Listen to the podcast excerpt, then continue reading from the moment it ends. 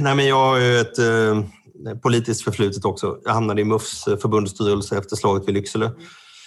Eh, och sen i Reinfeldts förbundsstyrelse när Kristersson hade avgått. Och nu har ju de bytt plats med varandra, men jag är ju konstant. Eh, I alla fall. Och sen fick jag jobb på Moderaterna med, som kommunpolitisk sekreterare i slutet av förra årtusendet. Då fick jag åka runt och träffa lite kommunalråd, bland annat Johnny Magnusson som då var oppositionsråd. Han satt ju KSO 91-94. Så berättade han då att ja, jag och Göran Johansson, vi har ju kanske, kanske inte ett gott samarbete, men ett samarbete. Men Göran har ju, han har en lite speciell syn på det här med liksom demokrati och debatt. Så han har ju två lägen då. Ja, Jonny, här tycker vi likadant, så det är ingen idé vi tjatar. Nu går vi till votering. Och det andra är då, ja du Jonny, vi tycker olika. Det är ingen idé vi tjatar. Nu går vi till votering. alltså.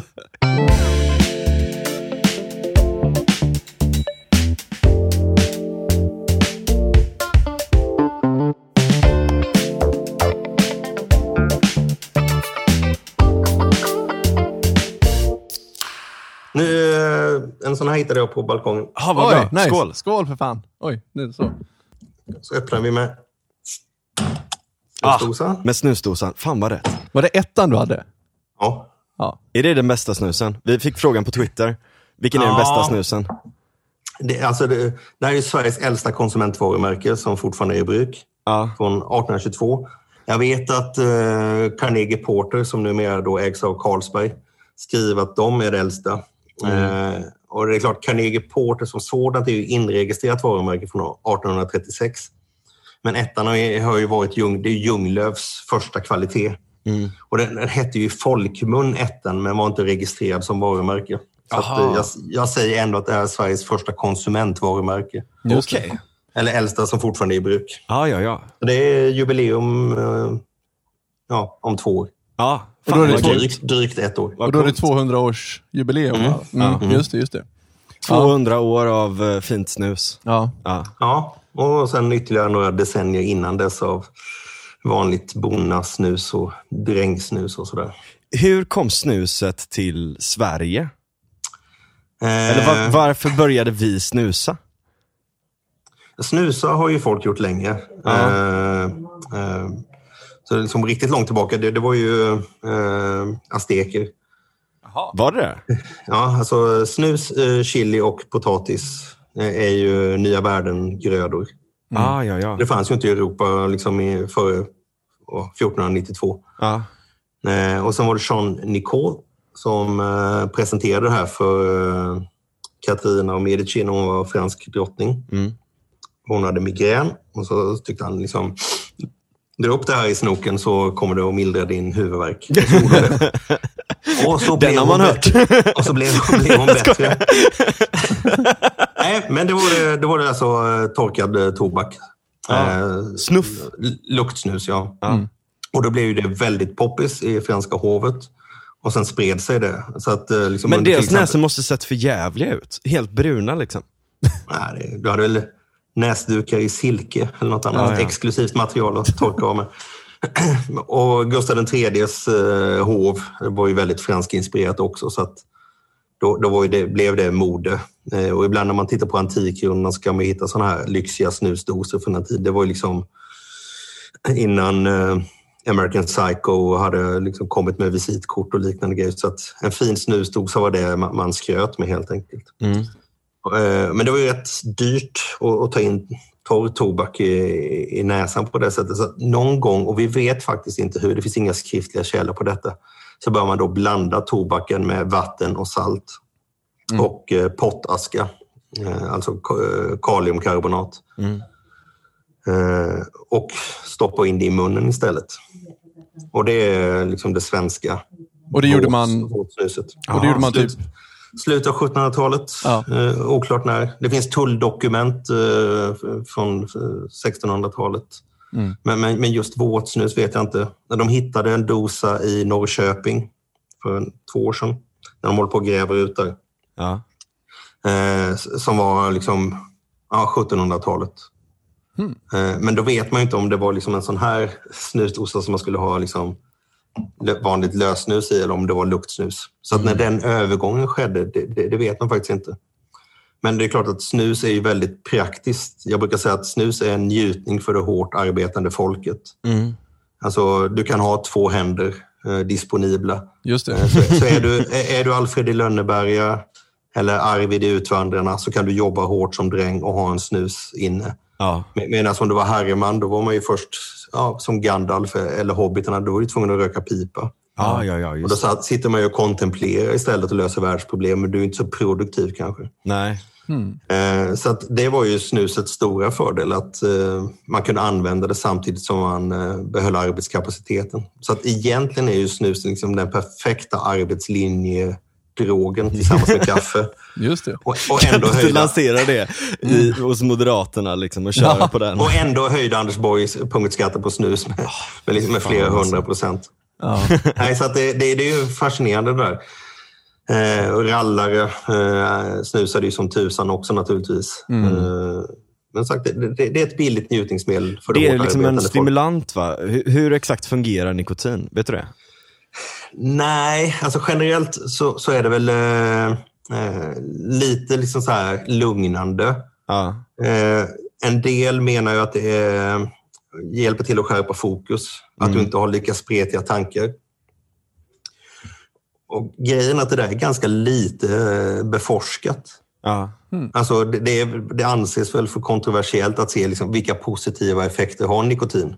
Ja. Ja, Så, så att det, det blir väldigt mycket anekdoter, att folk tycker liksom, ja, fan, nu ska jag skriva högskoleprovet, nu ska jag eh, göra uppkörning här, nu har jag en, en dugga, nu måste jag ta en fet snus. Jag har en kollega, hon är disputerad nutritionist.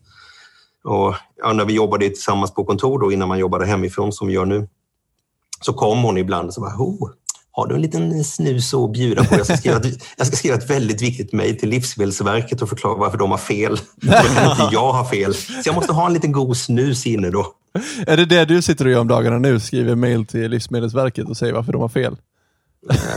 Just Livsmedelsverket har inte jättemycket fel när det gäller snusfrågan. Men det är ju, snus klassas ju som ett livsmedel. Mm. Eh, och det vet jag faktiskt inte heller riktigt varför. Det var eh, under Gunnar Strängs tid i alla fall. Eh, och förmodligen var, har det att göra med två saker. Dels att man stoppar det i munnen, även om det, man ska inte svälja det. Mm. Så även tuggummi har ju samma regler som eh, Ja, just det. eh, som, som övrigt. Alltså det, det ska inte vara några skadliga ämnen i och det ska vara liksom riskfritt. Men den stora grejen var att Tobaksarbetarförbundet gick upp i Livsmedelsarbetarförbundet på 60-talet. Eh, och då var det väl rimligt att ha samma myndighet som eh, liksom reglerings och, och, och tillsynsmyndighet för, för allt detta. Ja. Så sedan 1971 så klassas det som livsmedel och då har vi ju liksom innehållsförteckning, vi har bäst före-datum och, och sådana grejer. Just det. För det ja, förlåt. Mm. Nej, jag, jag tänkte bara, en av mina saker jag funderat över nu, det är liksom så här, vad, vad är snus? Alltså, och jag antar att det inte är samma sak idag som det var liksom, när första ettan eh, kom. Liksom. Eh, så att, så att, liksom, min fråga är, så här, vad är snus och vad är det idag och vad är skillnaden från vad det har varit? Liksom? Snus är tobak, salt, vatten och sen eh, ofta surhetsreglerade ämnen och numera också fuktighetsbevarande ämnen så att det kan ligga i en dosa utan att torka ut. Eh, men tobak, salt, vatten är egentligen grejen, att, att man blandar det. Sen eh, har det väl utvecklats lite, men det är ungefär som liksom en eh, dieselbil. Alltså den har ju utvecklats men principen är densamma fortfarande. Snus och diesel, nu låter det som att vi är på, hos Mjölbypartiet här. Ja, jag kommer inte på någon bättre liknelse. Nej, men alltså, jag, te- ja, men, säg liksom fast telefoni är ju samma sak också. Alltså, man, man, man eh, liksom har en apparat och så ringer man eh, någon annan. Va, vad, är det, vad är det för någonting? Nej jag ska. Jävla zoomer. Men så att, eh, och vad, som- vad som har hänt det är väl eh, li- lite grann tillverkningsprocessen och framförallt råvarorna. För att eh, eh, det är torkad tobak som man använder och sen maler.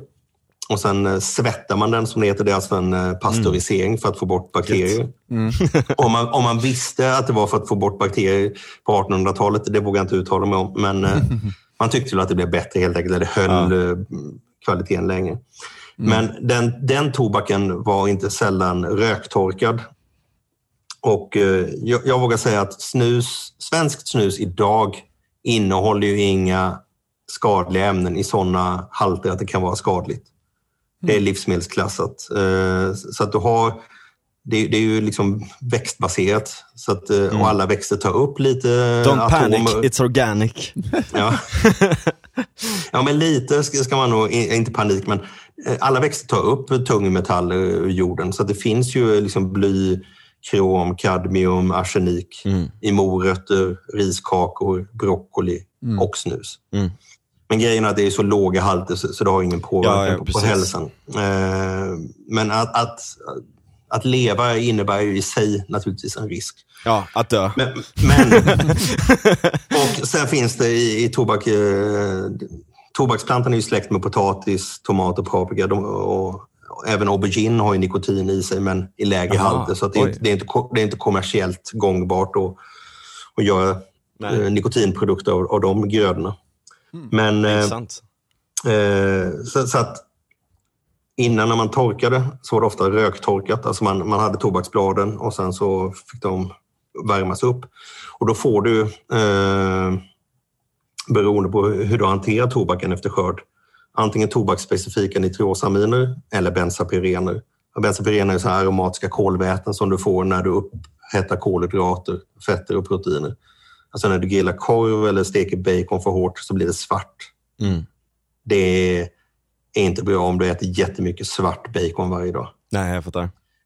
Och det fanns det i, i snus förr i tiden. Eh, Så i slutet på 80-talet så började Swedish Match eh, komma underfund med detta och liksom ändrade sin inköpsprocess, lanserade liksom en, ett, ett kvalitetsprogram för att sänka de här halterna. Vilket gör att svenskt snus av idag inte går att jämföra med ja, rökfri tobak från Indien till exempel. eh, När det gäller de här skadliga. Det, det kan liksom vara tusen gånger så mycket i indisk eh, eh, tobak som det är i den svenska. Okej, vad intressant.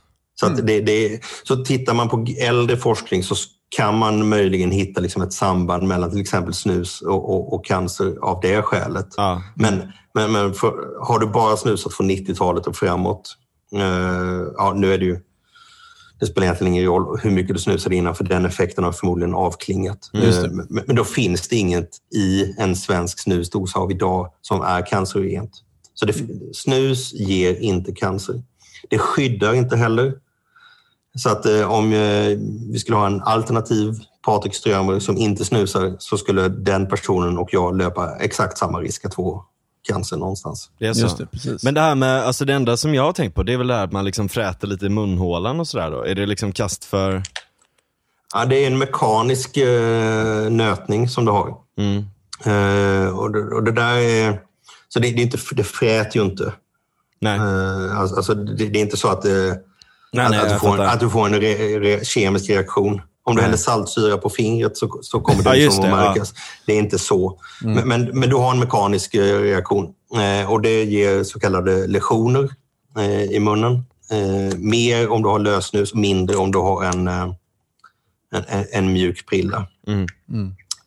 Så Att, och de går ju tillbaka, eh, lektionerna. Alltså, elefanthud kallar man det för ibland. Alltså det blir lite skrynkligt på insidan av Mm. läppen. Jag vet inte, folk som springer omkring och visar insidan av läppen i, offentligt, de har nog större problem än snuset i alla fall. Jag har en kompis som har en tatuering på insidan av läppen. Ja, det har jag också Så han brukar haft springa runt polare som hade. Ja, precis. Ja, den är förmodligen irreversibel till skillnad från Ja. snuslektionerna. Nej, den går bort ganska fort tror jag. Jaha, okej. Ja. Tatueringen eller snuset? Eh, eh, tatueringen alltså. Om du Okej. tatuerar insidan av läppen. Alltså jag har hört så här skrönor om att Mm. eh, snus innehåller typ så här krossat glas och tjurpiss och sådana Ja, men det är saker. väl klart det finns Va? sånt liksom. Det är, Det är Red det Bull är som liksom Morgan. Johansson som sitter på Flashback. Morgan Johansson. ja, precis. Det skulle jag faktiskt kunna tänka mig. Fredagskväll liksom. Ja. Det är så han tar ut liksom. Ja. Nej, eh, nej det, det är väl teorin i, i Red Bull som du associerar med då. Och, det- och det är ju inte heller sant. Eh, när det gäller glas så är det ju då, i och med att det, det är tobak, salt och vatten och du har lösnus eh, och det får torka lite, ja vad händer då? Ja, vad händer om du ställer en, eh, ett fat med saltvatten på fönsterbrädet? Det blir flingsalt. Vattnet, av, vattnet avdunstar, saltet kristalliseras. Mm. Det betyder inte att du har omvandlat saltvattnet till glas. Nej, Men det är alltså, det är alltså saltkristaller som, som Ja. blir följden när snuset torkar. just det. Så det finns liksom en, en naturlig förklaring bakom, men varför myten håller i sig, det är väl för att folk vill tro på dumheter istället för att ta till sig fakta. Ja. Mm. Ja, det är faktiskt sant. Jag minns den här grejen att folk liksom blåste på ciggen. Så här. Ja, men det gör folk. Ja, innan de rökte för att liksom, då blåser man bort allt det dåliga. Oj, vilken jävla grej. Ja, men bra. Ja men det håller sig kvar liksom, man märker det. Alltså, och, och, och vissa personer som inte ens tror på det längre gör det bara av liksom reflex nästan. Ja. Ja, Tänder du en cigg på ett levande stearinljus så dör en sjöman. ja just det. Nej, är det så? Jävlar Ja. många sjömän jag har dödat. Men du är eh, snuslobbyist, eh, vet jag att du stolt eh, kallar dig. Eh, men och, så här, lobbyister generellt har väl lite så här halvdåligt eh, rykte. Folk tänker... eh, Thank you for snoozing. Ja, exakt. Jag tänkte faktiskt på den filmen. Jag älskar den filmen för övrigt. Kan jag rekommendera alla att se. Men just det här att, att lobbyister, alltså, jag tror att folk, i gemene man tänker nog att lobbyister är sådana som eh, ljuger för politiker för att de ska stifta lagar som, som går i de eh, fula ekonomiska intressenas... Eh, ja, Ja, det är ju så. nidbilden Ja, liksom. men precis. Kan inte du förklara lite grann för vad, vad en eh, snuslobbyist gör för någonting? Jo, men det kan jag absolut göra och jag tror dessvärre att du har rätt eh, i, i din allmänna beskrivning. Och vi vet ju också att eh, cigarettindustrin eh, på 60-70-talet i USA ljög Mm. under ed.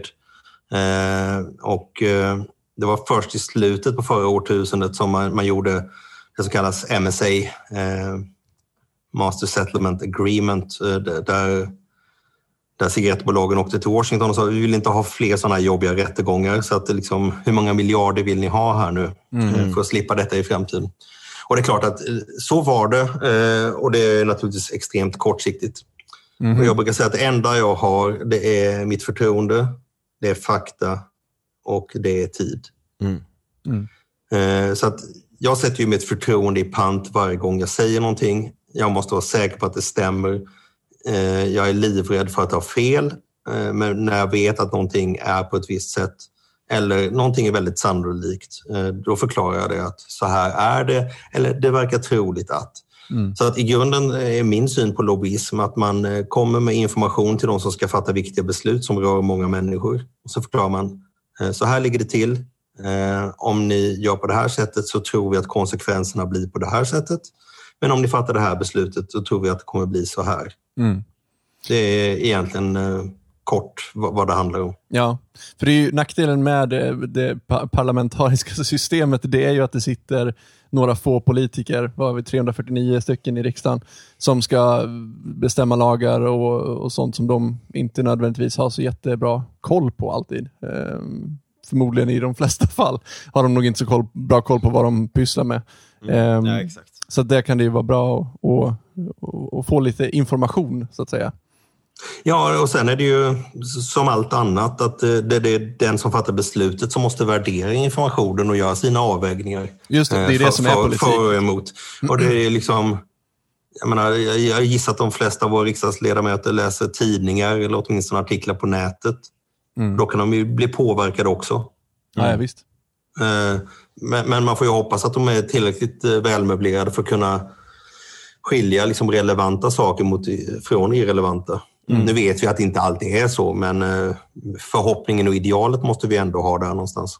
Och jag Ja, brukar säga verkligen. Och jag menar, det är inte en konstig princip att eh, företag eller företagsorganisationer vill lägga tid och energi på att undersöka sina områden Mm. eh, och, eh, och bidra med fakta. För att, jag menar, det är väldigt svårt att förlita sig bara på akademi eller bara på riksdagens egna utredningstjänst och allt sånt i alla områden. För att det måste ju fortfarande vara någon som har intresse av att analysera en viss fråga. Och det är inte alltid det är det. Nej, men just, just konsekvenserna. Alltså vad händer? Alltså, vad, vad händer om man inför en eh, skatt på plast som gör att eh, kaffemuggar för takeaway kostar sju spänn mer. Ja, just det. För fan. Ja, det vet man ju inte. Men ett alternativ är ju att eh, liksom 7-Eleven börjar köpa liksom, glas från samma ställe som Ikea köper glas ifrån. Mm. Då kostar det två spänn. Mm. Då har de sparat fem spänn. Då, Men då kommer alla gå omkring med glas istället. Blir det bättre? Nej, all- alltså är bör vi nog undvika. Alltså, att tänka ett steg längre åt de som fattar besluten är väl lobbyistens främsta uppgift egentligen. Mm. Precis. Och, och någonstans få folk att förstå att det, finns inga perfekta lösningar på samhällsproblem, eh, utan det är oftast Jo, trade, jo. trade-offs. Just när det gäller snus gör det faktiskt det. Ja, men det är, det, jag, det är det exakt det jag skulle komma 240 till. snusigt. Ja, men det är exakt det jag, ska, det jag skulle komma till. Ehm, jag lyssnade på, du var med i eh, podden Jobba, jobba, jobba. Eh, Ja. Elin Sobchak. Eh, väldigt bra podd som jag kan rekommendera andra att lyssna på. Ehm, men där var ni inne lite grann. Jag, ska jag, jag, jag lyssnade delvis på den för att jag skulle tänka att så här, jag ska försöka lyfta andra saker som ni inte lyfte där. Men det var en sak som jag tyckte var så jävla intressant, eh, som du sa, som jag tyckte var en viktig poäng. Eh, det var just det här med att ehm, nu får du hjälpa mig att minnas, men, men det var någonting om att så här, om man eh, inte tittar på skademinimering utan att man snarare tittar på att man vill få folk att sluta med nikotin. Eh, så till exempel om jag och Frans båda röker och sen slutar vi med det. Eh, nej, förlåt. Om, om jag och Frans snusar och så slutar vi med det och sen börjar jag röka så är det en vinst eh, utifrån eh, nikotinkonsumtionen. Att den har gått ner så att säga. Ja. Medan ska, om man inte, har- medan skademässigt så, så har man ju orsakat väldigt mycket mer skada i sådana fall. Så att eh, Japp. det kan få helt eh, liksom, vrickade eh, Ja. konsekvenser om man har fel mål. Så att verkligen, säga. verkligen. Ja, och det, det har vi eh, haft sedan eh, Maria Larsson eh, var folkhälsominister. Det, det som kallas ANDT-strategin som nu ska bli ANDTS, för man ska lägga in spel. Alltså Mm. gambling, Jack Vegas, online-casino. Inte sådana spel som jag ägnar mig åt. Nej, Även om jag vill, jag vill också spelberoende. Brädspel. Ja, fy fan. Ja, Nej, men, eh, jag har ju varit hos dig flera gånger och spelat brädspel. Det är väldigt, väldigt trevligt måste jag säga. Ja, det är det. Eh, Och nu har, vi, nu har vi flyttat så nu har jag plats för lite fler av spelen. Ja, är Men-. Så att jag är spelberoende, men på ett godartat sätt. Ja. I alla fall, ANDT-strategin. Eh, den, den var intressant 2011 för, för att den hade ju då eh, tre stycken olika mål. För alkoholen så blev det att man övergav 1900-talets eh, totalkonsumtionsmodell. Alltså, det, spelar ingen roll om du, ni och jag tar en bärs eh, en torsdag eller om, om liksom flickvännerna dricker Aperol Spritz på lördag. Pro- Problemet är liksom rattfylla, misshandel, skrumplever. Det ska vi undvika. Ja. Så, så att man riktade in sig på att, att minska skadorna och, och liksom missbruket, men inte totala konsumtionen. Mm. Och, för narkotika och dopning så är målet eh, ett eh, samhälle fritt från. Alltså det utopiska målet om, om detta. Mm. Och när det gäller tobak så har man då total konsumtion ska minska. Just det. Det, säga, det, spelar ingen roll om folk snusar eller röker. Snusar eller röker. Eh, och det är ju rätt märkligt egentligen eftersom skillnaden mellan rökning och snus är ju större än mellan att dricka folköl och vodka.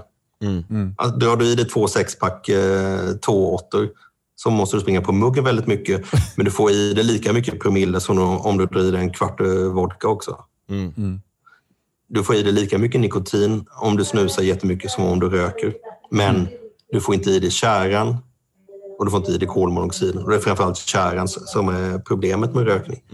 Just det. Eh, Så att, att man inte har gjort skillnad på detta har ju gjort att även de svenska myndigheterna måste slingra sig eller ljuga eller hamna i en intellektuellt ohederlig position när de ska förklara varför allting måste minska. Mm. Och det, och det är ju rätt intressant om man tittar inte bara Sverige utan andra länder. Alltså Sverige är det enda landet i EU där snus är tillåtet att sälja. Mm. Och eh, det är också det land där eh, befolkningen röker i lägst utsträckning. Mm. Tittar man på eh, cancerstatistik och tobaksrelaterad dödlighet så är svenska män bäst när det gäller alla diagnoser. Lungcancer, struphuvudcancer, kol, eh, ja, bukspottkörtel, ändtarm, whatever. svenska män är, är friskast i EU. Hur påverkar rökning ändtarmen? Det beror på hur man I röker. don't know. du, får, du får rök ett helt liv och ta reda på det. Ja, precis. Nej, men så att, fakta är otvetydigt i detta. Mm. Eh, Om man, nu säger, om man nu verkligen bryr sig om människors hälsa så ska man säga det. Liksom, verkligen. Ja, ja. Eh, om ni nu vill röka så gör det då någon gång. Eh, Men se inte till att det är en daglig vana att hålla på. För det är inte bra för dig. Nej, verkligen. Jag, jag slutade ju, jag, jag rökte ju sen jag var nästan 15-16, typ. Eller du vet, man var ju en jävla skitunge liksom. Eh, och, Det är du eh, fortfarande. Ja, det är jag fortfarande, precis. Ehm, men jag slutade röka, först började jag vapa. eh, för att sluta röka.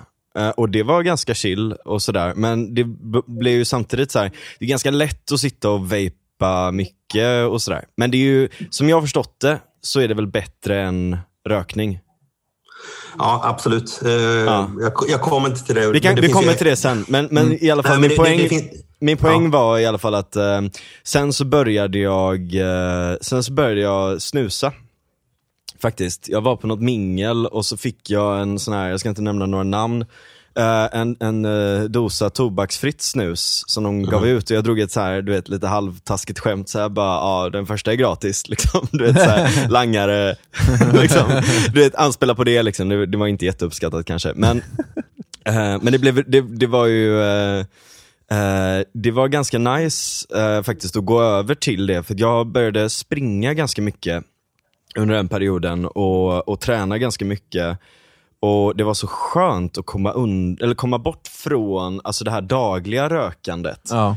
Nu röker jag ju fortfarande ibland, jag tar en cigg, eh, alltså jag kan ta en cigg eh, om, om man sitter på ett café, på en uteservering, nej jag bara skojar, det får man fan inte göra längre! Eh, men då, då vill man ju ha en cigg. Eh, eller du vet om man har tagit några bärs och sådär så kan det vara jävligt gött att ta en cigg på det, men, men det är inte det här Alltså det är ju så man vill röka. Alltså, Jag vill ju inte ha det här att man sitter och röker hela tiden, utan det är snarare när man sitter på en uteservering eh, och man sitter i, i gott sällskap, har druckit lite öl och så tar man upp en cigg och sitter och fortsätter och pratar och röker och dricker. Det är ju underbart. Och det är också därför de här jävla glädjedödarna som, som, sit, som sitter i regeringen har tagit bort det, antar jag. För, för att det ska inte vara kul att leva liksom. Ja, men det, och, eh, Så roligt får vi inte ha det. Winston Churchill hade väl sina sidor, men det är klart att det är lite mer glamoröst att, bolma på en cigarr hela dagen än att stå och puffa gula Blend under köksfläkten. Ja, exakt. ja, verkligen. Men eh, det jag skulle komma till innan eh, var ju att, ja, nu är inte Storbritannien med i EU längre, men de har ju haft en annan liksom, ideologi egentligen. Alltså just skademinimering på tobak. Att ja, det är dåligt att röka och det vet ju alla. Så att liksom säga till någon som har rökt i 20-30 år att du är en dålig människa, det hjälper inte, det motiverar inte. Mm. Men då har de sagt att eh, kan du inte sluta röka på något annat sätt, testa vaping och se vad som händer då. Mm.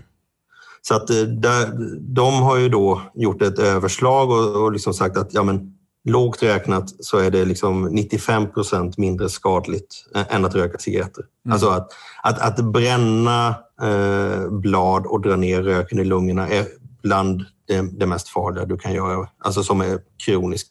Det är klart du kan liksom sniffa arsenik och sånt där akuta grejer, men, men det som har långsiktig påverkan det är just eh, sot eh, och tjära i lungorna. Ja. Och, så att Storbritannien är det land de senaste fem åren i EU som har minskat eh, andelen rökare mest. Mm. Just för att de har haft en, en mer tillåtande inställning än, än alla andra länder. Mm. Så deras folkhälsomyndighet, eh, liksom Läkarsällskapet, Barnmorskeföreningen, alla står bakom det här budskapet. Just det. Liksom, testa vaping istället. Och nu får vi se vad som händer när de inte är med i EU längre. Då omfattas de inte av EUs idiotiska snusförbud så att då kan ju de legalisera snus där. Och eh, det pågår ju en, en politisk process där också med, med flera liksom, duktiga forskare. Eh, bland annat Clive Bates som eh, började sin eh, politiska karriär som sån här anti-tobacco tsar under Tony Blair på 90-talet. Mm. Alltså hur ska vi minska liksom, antalet människor som dör av rökning? Så han tittade runt lite så, fan Sverige, där dör ju inte folk eh, av det här på samma sätt. Vad- Vad har de för någonting? Och så, har de har snus, vad är det för någonting? Ja, det är förbjudet i EU, varför då? Det här verkar ju sinnessjukt. Det är fullständigt idiotiskt. Det här skulle kunna, jag skulle kunna avgå och liksom, om mitt jobb var gjort, om vi bara kunde tillåta snus. Man kunde Legalize. tillåta alla, alla britter att göra någonting annat. Så hade det ju funkat utmärkt. Ja. Ja, Så, så, han, så han, han, han är ju liksom... Folk är ju upp, upprörda. Det är rätt fascinerande när man ser... Det är mest vaping-communityn internationellt, men alltså är man kristen då tänker man att man ska få evigt liv när man dör. Eh, Och så blir man frälst eh, och är lycklig. Det här är människor då som kanske har rökt i 20-30 år, som har svårt att gå i trappor. eh, Liksom, man är på väg att få barnbarn eller har fått barnbarn. Man kommer inte se sina barnbarn ta studenten. Mm. Man känner det. Man, man mår så jävla dåligt. Och så testar man vaping. Och så inser man, fan efter två veckor så jag kan gå i trappor igen. Jag mår mycket bättre, jag är gladare, jag känner smaker. Jag har fått 10-15 år till att leva i det här jordelivet. De är ju överlyckliga, de är otroligt tacksamma eh, mot en faktiskt indie-industri. Mm. För det är inte Industri. Big Tobacco som, som har gjort detta. Eh, och, eh, och som är otroliga, eh, liksom, de, de är både intellektuellt och känslomässigt engagerade i detta. Och liksom förstår inte varför 1900-talskonflikten står mellan folkhälsoaktivisterna och eh, Big Tobacco. När vägen framåt är, ja, men, låt människor välja andra produkter. Så kommer de att kunna göra det och gör förmodligen det också. Och sen kan ni bara lägga ner allt. Ja, men det är ju det sluta, sluta med moraliserandet. Exakt. Det finns liksom inga utopiska, perfekta lösningar, utan det finns bara trade-offs. Och då är det väl bättre att vi har snus då i sådana fall. Alltså, men hur kom det sig att vi fick behålla snuset när vi gick med i EU? Jo, men det var för att eh, det, det förbjöds 92 eh, i samband med liksom Maastricht-avtalet skulle genomföras och, och den inre marknaden. Och ironiskt nog var det Storbritannien som hade fuckat upp redan innan då. Eh, delvis på grund av ett eh, amerikanskt bolag som gjorde Skull Bandits, som det hette. De hade hittat ett kryphål i lagen att det inte var åldersgräns på eh, rökfri tobak. Så de började tillverka snus, eh, bisarrt nog, i en tidigare nedlagd klockfabrik i Skottland som fick statligt investeringsstöd av Margaret Thatchers regering på 80-talet. Och så började de göra snus och sen sålde de det i kiosker väldigt nära skolor.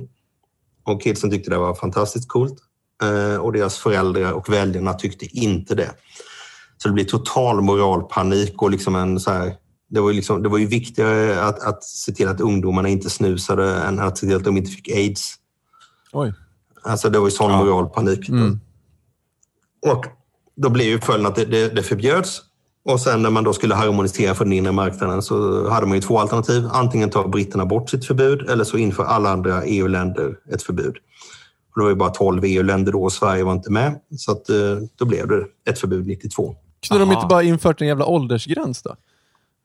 alltså, Jo. Hur svårt ska det vara? Jo, men det, det, det är det här, mön- det är det här mönstret som- som är fascinerande. Det kanske vi kan återkomma till, men att det är nästan aldrig liksom, tydliga medicinska eller vetenskapliga rön som ligger bakom regleringar och restriktioner när, det gäller liksom, droger eller även socialt avvikande beteenden. Utan det, det handlar om hur liten är den gruppen som man kan stampa ut? Är den mindre än de som känner sig rättfärdigade? Ja. Det, det, det är bara så liksom välja matematiken ser ut i en demokrati. Mm. Så har du 2% snusare och 3 som känner att de är världens bästa människor och de lyckas förbjuda snus, då kommer snus att förbjudas. Precis. Och sen, sen, sen kan politiker sitta i efterhand och säga att, så här, ja, men säg att, säg att en, eh, nå, någonting minskar. Säg att snusandet i Sverige skulle minska så att det bara var 2% av befolkningen som gjorde det. Och sen kunde vi stampa ut dem. Eh, så kan politikerna sitta där och säga, titta vad, vad lagstiftning har normerande effekt eh, på, vad- folk snusar inte längre i samma utsträckning som de gjorde för 100 år sedan. alltså, Nej, så att, eh, men all, eh, ja, just det, Sverige och EU. Eh, och sen hade Berlinmuren fallit och EU skulle utvidgas och det var lite politisk prestige i det. Så det var Österrike, Finland, Sverige och Norge som var kandidatländer. Och Ulf Dinkelspiel var förhandlare i Carl Bildts regering. Eh, och han insåg snabbt att det var tre grupper som skulle rösta nej. Det var bestämt att det skulle vara folkomröstning i Sverige. Mm. Och eh, om Systembolaget skulle försvinna, då skulle alla nykterister rösta nej. Och då tyckte man det var bättre att vi var med i EU än att Systembolaget försvann. Och det andra var jägarna som inte tyckte att liksom, den belgiska bäverjaktsäsongen skulle bestämma vilka veckor man skulle ha älgjakt i Norrland. Mm. Utan det skulle ju jaktlagen själva rå över. Eh, och det tredje var snuset. Just det. Eh, Så att vi fick undantag för, för de här sakerna. Oj. Eh, I, I det anslutningsfördraget som då skrevs under på midsommarafton 1994. Eh, Så, så att det svenska snuset är skyddat i EU av EUs primärrätt. Det är, alltså, det är likadant som eh, Strasbourg och, och parlamentssessionerna där. Man kan tycka att de är vansinniga. Men det spelar ingen roll vad alla EU-länder tycker. Det är bara Frankrike som kan ändra på detta. Och det är bara Sverige som kan hota snuset. Jävla EU fransmän. kan, EU kan, EU kan, kan inte hota snuset egentligen. Nej. Så, så att eh, snuset är faktiskt väldigt väl skyddat. Eh, Men apropå det som du sa innan Daniel om, politikers okunskap så alla ministrar som har varit ner och förhandlat eh, har väl inte haft det här klart för sig. Nej. Att, att man sitter med liksom fyra S på hand och, ett trumf. Mm. Utan så bara, nej men om fin liten vana ni har där uppe i Sverige, vore ju synd om det skulle hända någonting med den. Mm. Exakt.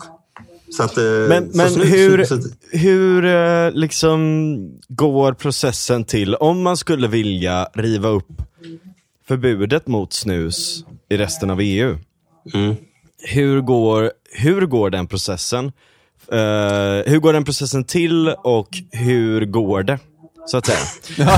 Jag försökte formulera mig på ett snyggt sätt. Ja, det är bra. Eh, den första är lite oklar. Det har ju varit ett antal uppdateringar där man har liksom haft nya tobaksdirektiv. Det senaste var 2014.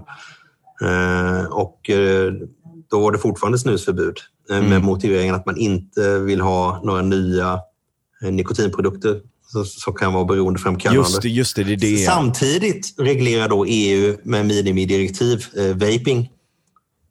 Som i min värld är en ny nikotinprodukt det är klart som, det är det. som är potentiellt beroendeframkallande. Ja, ja, Det är ju klart som fucking korvspad. Men det gjorde man inte. Eh, så att Swedish Match eh, drev den här frågan i, i domstol då, eh, om att det här är diskriminerande.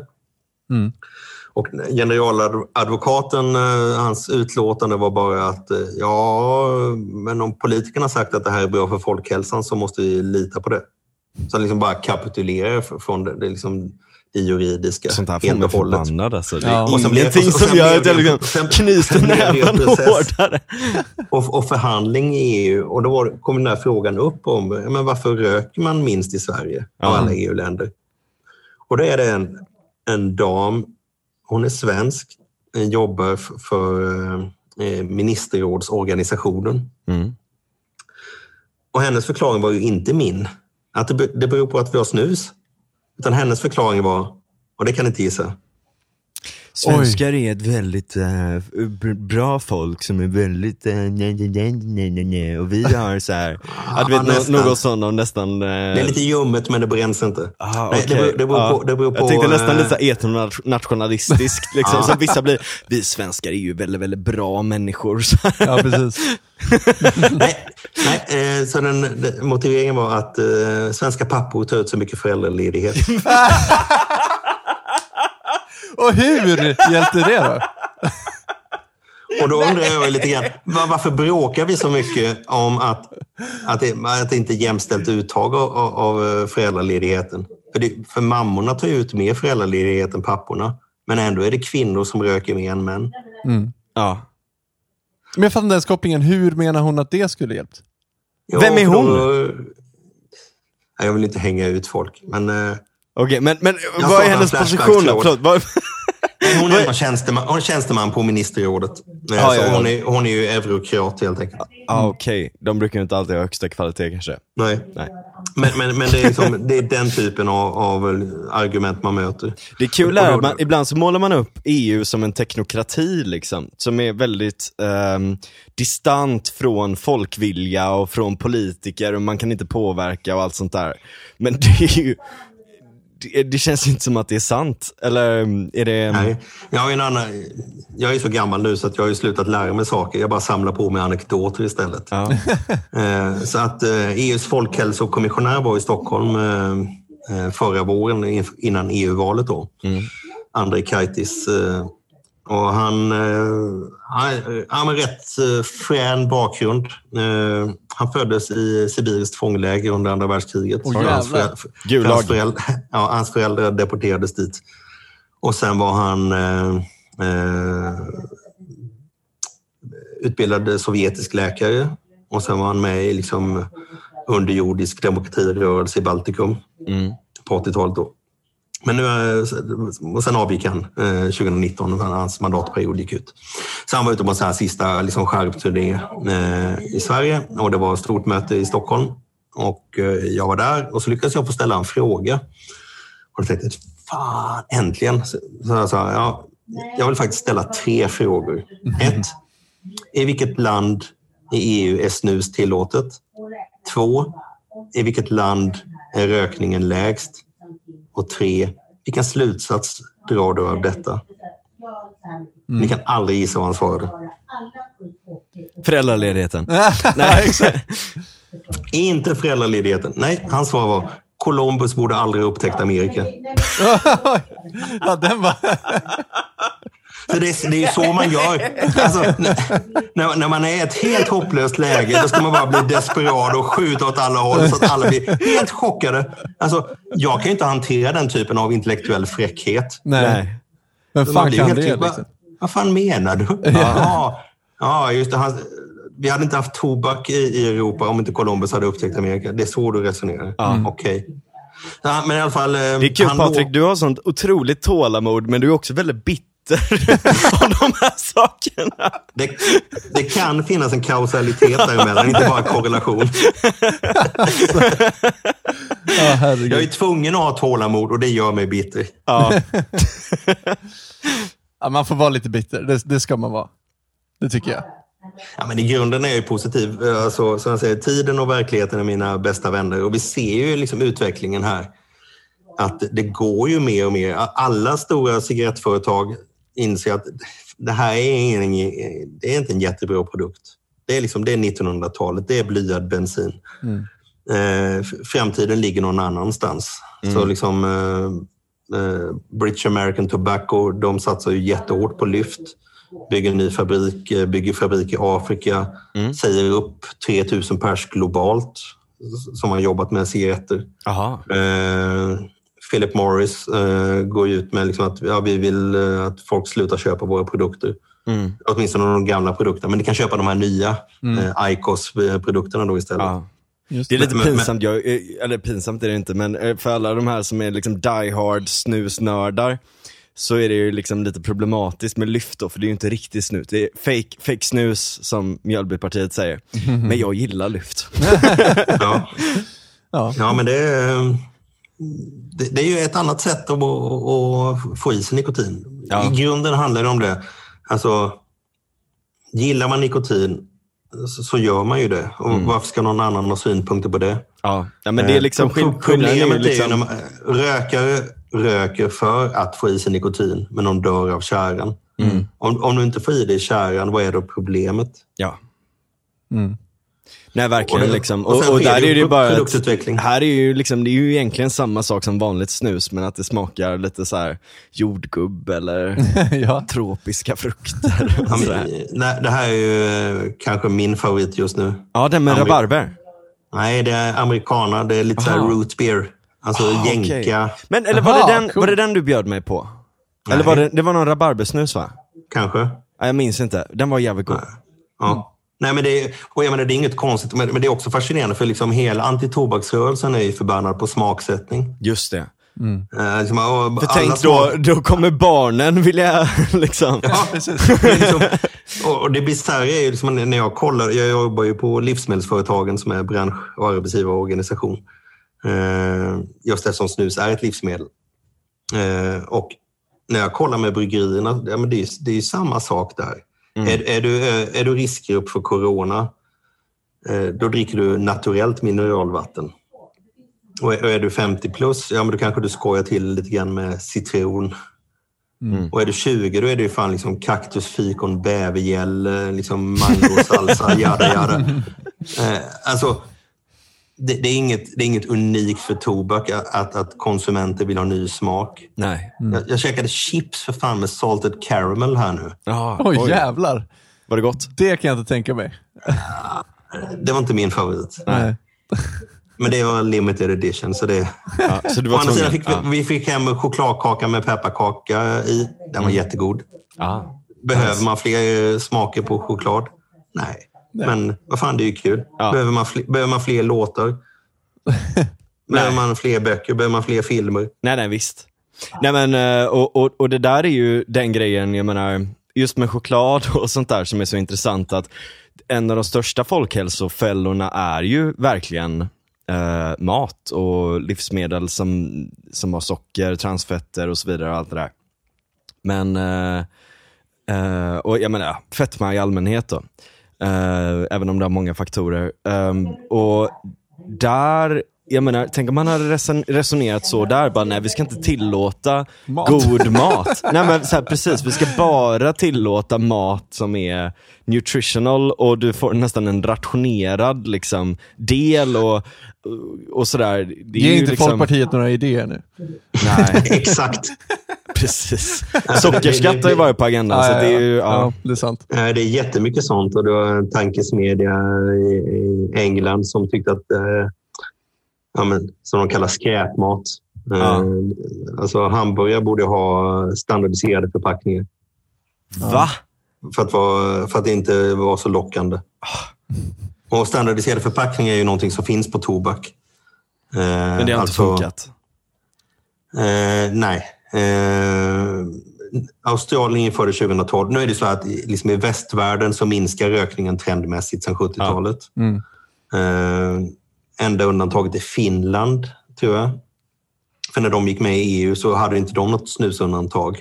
Ja, just Då det. gick rökningen upp där i slutet på 90-talet. Så jävla korkat alltså. Det är typ Ja, de, får inte snu, de får inte snusa där nej.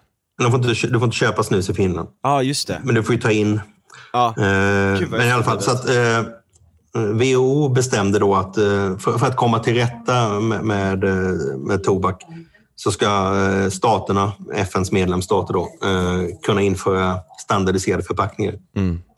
Neutrala paket. Och då hade man en expertkommitté i WHO eh, som kom fram till att färgkoden Pantone 448C är världens fulaste färg. Mm. Ja, den ser ut som eh, diarré nästan. Alltså det är verkligen så här Blandning av, grönbrun. av din Ja. tröja och backdropen ungefär. Ja, precis. Ja. men det är, det är liksom så här grön... Ja, lite militärt kanske Ja, Ja. också. Men det ska, det ska vara så- the most repugnant color. Och det intressanta är att mode ändras ju så att det, liksom, det Ja. som var skitfult 2004 eller 2006 Ja. var ju inte jättefult 2019 när, när just den här färgnyansen var den trendigaste bland liksom, jackor och brallor och till och med skor. ja, Och det ju, perfekt. Vilken time. så, så Nor- Norge Så införde ju... jävla fail! Ja, men det är, Norge införde ju det här eh, även på snusdosor då. Eh, vil- Vilket ledde till liksom rätt mycket roliga grejer. Bland annat eh, att eh, den norska folkhälsoministern blev nominerad till så här årets designpris. Alltså, Den här dosan är ju så jävla clean och snygg. Den kommer få folk att köpa snus så in i helvete. Alltså, minimalistisk. Så här. Och så hade de en sån här satirsida i Världens Gang eh, som heter Vredens Gnag. Ja. Eh, Och då tyckte de, nej, så här, någon expert som hade uttalat sig, det här är helt fel. Det borde vara liksom så här pastellrosa doser med lite så här carpe diem och Ah, ja, ja. älska mig som mest när jag förtjänar det som minst. För då behöver jag det mest. Den typen av ordspråk på. Då hade du inte fått kidsen att börja snusa någonting alls. Men allt går ju i cy- cykler, så att det kommer Ja. ju tillbaka till det också. Så Men det däremot. Sveriges småstäder hade Ja. blivit en explosion. ja, verkligen. Nej, så, eh, det intressanta är liksom att Norge införde eh, det här då för ett par år sedan och eh, Australien 2012. Och I Australien så har liksom rökningen bland eh, unga upp till 24 år den har liksom stagnerat. Medan i Norge är den nästan icke-existerande nu. Mm. Alltså du har, det är knappt att du kan mäta antalet dagligrökare under 24 år i Norge. Ja. Men du har, två, du har tvåsiffrig eh, snusandel både bland killar och tjejer. Gud vad intressant. Så att snus har ju satt sig som en, liksom en, en, en okej drog. Eh, någonting att använda. Ja. Inget konstigt. Det är som koffein, Ja, eh, fast intressant kanske alltså. li, lite mindre vardag. Eh, så att, eh, men om man bara kör det repressiva, då får du bara repressionen, men du får inga resultat. Nej, nej. Det är egentligen den enkla slutsatsen. Just det. Men alltså hur Ja, mycket, alltså jag kommer ihåg när jag, när jag var 18 så jobbade jag på Statoil ett år. Mm. Och då kommer jag ihåg att en dosa rapé på Statoil kostade typ 19 spänn eller någonting sånt. Vilket är helt Hur gammal är du nu? Eh, 33. Så det Det här är 15 år sedan. Ja, precis. Ja, det är det. Ja.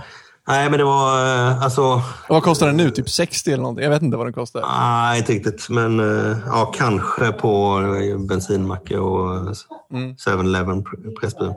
Men eh, punktskatten var ju 123 kronor kilot då. Mm. Och eh, sen har den då höjts successivt. Eh, så nu är den 459 kronor per kilo. Åh Så, så det, det, det har varit en punktskatteökning på nästan 400 procent Åh, sen dess. Det är helt sjukt alltså. Ja, och sen har du moms på punktskatten också. Men hur mycket är det Så per, per dosa? Liksom? Hur mycket kostar en dosa om du skulle ta bort skatten? Ja, 10 spänn. Åh jävlar alltså. Ja, det vore ju, det vore ju ett, eh, ett, eh, ett steg. om vi Ja. tog bort den liksom. Ja, nej, ab- absolut. Och det kom ju en ESO-rapport förra året också som liksom visar att ja, räknar man högt på vad snus eventuellt kan kosta liksom i blodtryck och, och hjärtinfarkter eller vad det nu kan vara för någonting. Det finns ju inga registrerade dödsfall. Nej. Eh, Bland det första jag gjorde eh, på det här jobbet var att höra mig till Folkhälsomyndigheten och Socialstyrelsen och fråga hur, hur många dör av snus varje år? Och svaret var vi har inga sådana siffror. Så att det, är ingen som dör eh, av snus så i alla fall. Nej. Eh, som, sa- sen kan ju folk som snusar avlida i alla fall. Men det gör ju alla människor förr eller senare. Precis. Så det är ingen skillnad i det. Eh, Men om man ser på kostnaden totalt då, finns det någon kostnad eh, för konsekvenserna och hur mycket drar det in och, och så vidare? Är det, om, om man kollar på de kalkylerna så att säga, har det gjorts några studier på det? Ja, inte jättemycket. Men eh, David Sundén skrev en ESO-rapport förra våren. Eh, Synd och skatt heter den. Och han går igenom egentligen liksom hur väl lyckas staten då med alkoholpolitik, tobakspolitik och, och spel. Eh, och just när det gäller snuset så räknar han med att ja, 600 miljoner är liksom den höga siffran så- som det skulle kosta då i, i form av liksom sjukvård på olika sätt. Samtidigt som snusarna då betalar punktskatt och moms på punktskatten på ungefär 3 miljarder varje år. Så att eh, ungefär 2,5 miljard subventionerar alla Sveriges snusare resten av de svenska skattebetalarna med. Ja. Utan att få någonting tillbaka. De får bara skit tillbaka. precis. Ja, från politiken kanske, men, men eh, folket kärlek min belöning som någon gammal kung hade som valspråk. Ja. Ja, ja, fan. Ja, men det är Nej, ju att det- och det- bisarrt, och- men och- då är det ändå så här, de, det man räknar på de här 500-600 miljonerna då, hit och dit. Eh, är det, och det, det är liksom inte helt spikat och, och, och nyss var det väl det här med, alltså att man, olika cancerformer då har kopplats till det som har kopplats bort från det och sådär också då. Ja, så att eh, jag träffade ju David eh, efter att han hade publicerat rapporten. Ja. Just för att diskutera de här siffrorna lite grann. Och, och, ja, men hur har du kommit fram till det här? Ja, det visar att han hade tagit en gammal rapport från Handelns utredningsinstitut som faktiskt var beställd av Swedish Match. Eh, där de har tittat på detta. Eh, och sen har siffrorna för rökrelaterad ca- cancer och vårdkostnaderna där eh, skrivits upp med faktor 3. Alltså de är, man, ja, det är tydligen tre gånger så dyrt att, att behandla folk för cancer som det var förr i tiden. Då. Eh, och då, då la han det bara som schablon på snuset. Oj. Fast rimligen är, har du ingen kostnad för cancervård in the first place. Och ska du dessutom då multiplicera med tre så blir det ju ännu snedare. Ja, ja, ja. För då att- kopplar eh, man det till typ eh, olika, vad, vad är det för grejer de kopplar det till då liksom? Ja, det, det, är ju väldigt, det är väldigt svårt att hitta egentligen vad det är för effekter som är negativa av snus. Eh, vad, vad, som fin, vad, vad, som är tydligt är att har du hjärtproblem ska du inte använda nikotin. Nej. Är du gravid ska du inte använda nikotin. Nej. Eh, det är ungefär det. Sen finns det en studie som eh, indikerar att det finns en eh, korrelation mellan eh, snus och diabetes. Men det där är jättesvårt för att då var det mer än sju doser i veckan som man skulle snusa för att öka risken. Och vad är en dosa i veckan på en studie som började 1990? Är det 50 gram ettanlöst då? Eller är det dagens snusstorlek där, en genomsnittsdosa med portion har 23 gram? Mm. Det är alltså, snusar du, det är alltså hälften så mycket idag Ja. om du snusar en dosa mo- mot vad det var i Västerbotten på, på 90-talet. Ja, ja, ja. Och, det är själv, och det är en självskattad studie. Så att, eh, det, det där är svårt. Samtidigt vet vi att om du går från BMI på 25 till BMI 26, då har du liksom ökat risken för diabetes mycket mer än vad du får om du snusar. Ja, ja, ja. Det är bättre att ha diabetes 25 och snusa än ha, eller BMI 25 och snusa, än att ha BMI 26 och inte snusa. Om man är rädd för diabetes. Så det är ju väldigt svårt att hitta några liksom tydliga effekter på detta. Utan sannolikt är det väl uh, ungefär lika farligt som uh, utförsåkning eller, eller tatuering. Just det. Det är inte helt riskfritt, men, men många tycker att det är väldigt kul. Och de som inte tycker det är kul borde strunta i det bara. Ja, ja, ja visst. Och eh, ja, nej men jag, jag sysslar med båda de två sakerna. men eh, alltså jag menar, jag har ju skadat mig rejält med skidåkning så här. Jag har ju dratt axeln och led i Alperna och såna här grejer liksom. Ja, det är ingenting du gör med snus direkt. Nej, jag tror att jag har nog, det har nog fuckat upp väldigt mycket mer för min del. Du får åka till Mjölby och dra uh, käken ur led. Ja, precis. Nej, så att, eh, jag tycker det är kul när det kommer sådana här liksom, lite knastertorra, sakliga redovisningar. Då, liksom med, ja, med rimliga uppskattningar. Då, och sen så hittar man att ja, men det här antagandet det stämmer ju inte riktigt. Nej. Det verkar ju överdrivet.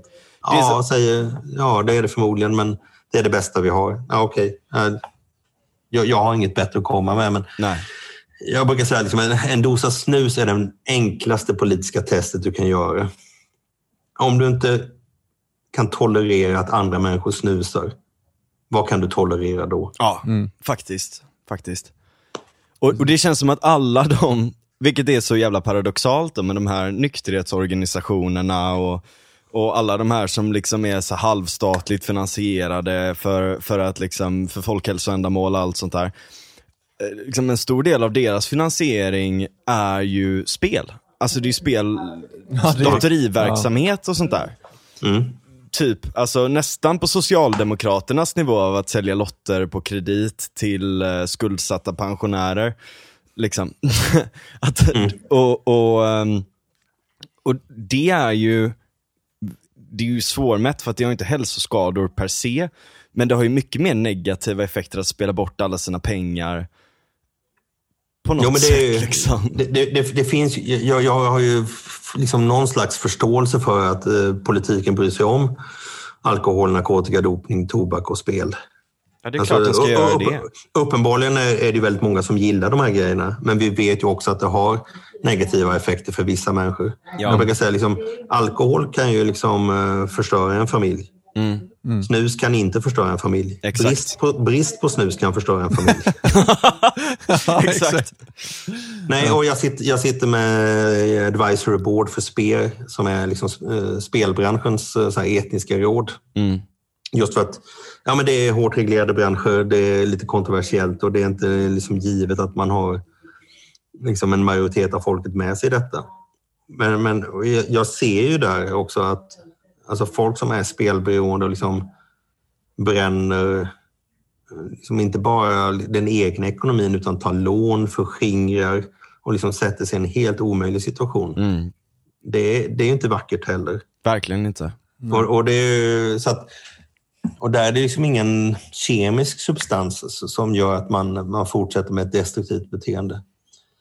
Och det, och det är ju... Ja, jo, det är ju. Ja, Neurokemiskt. Ja, precis. Ja, ja. Det- det är Actually. precis- Du, du skapar det själv. Ja. ja, men det, det är ingen endogen eh, Eller ingen exogen eh, kemisk Nej, substans, precis. utan du får skapa den själv. Ja. Så att, eh, och och det är också intressant för att ju mer jag liksom försöker grotta ner mig i fundamenten och hitta grejer, så liksom, vad är beroende? Ja. Vad är missbruk? Mm. Alltså det, det finns, verkar inte finnas någon liksom enhetlig vetenskaplig definition. Det är klart att vi som människor är beroende av syre, av vatten, av, av kalorier och liksom essentiella aminosyror och allting sånt där för att kunna leva. Mm. Jag är inte beroende av nikotin. Jag kan ju leva utan nikotin. Mm.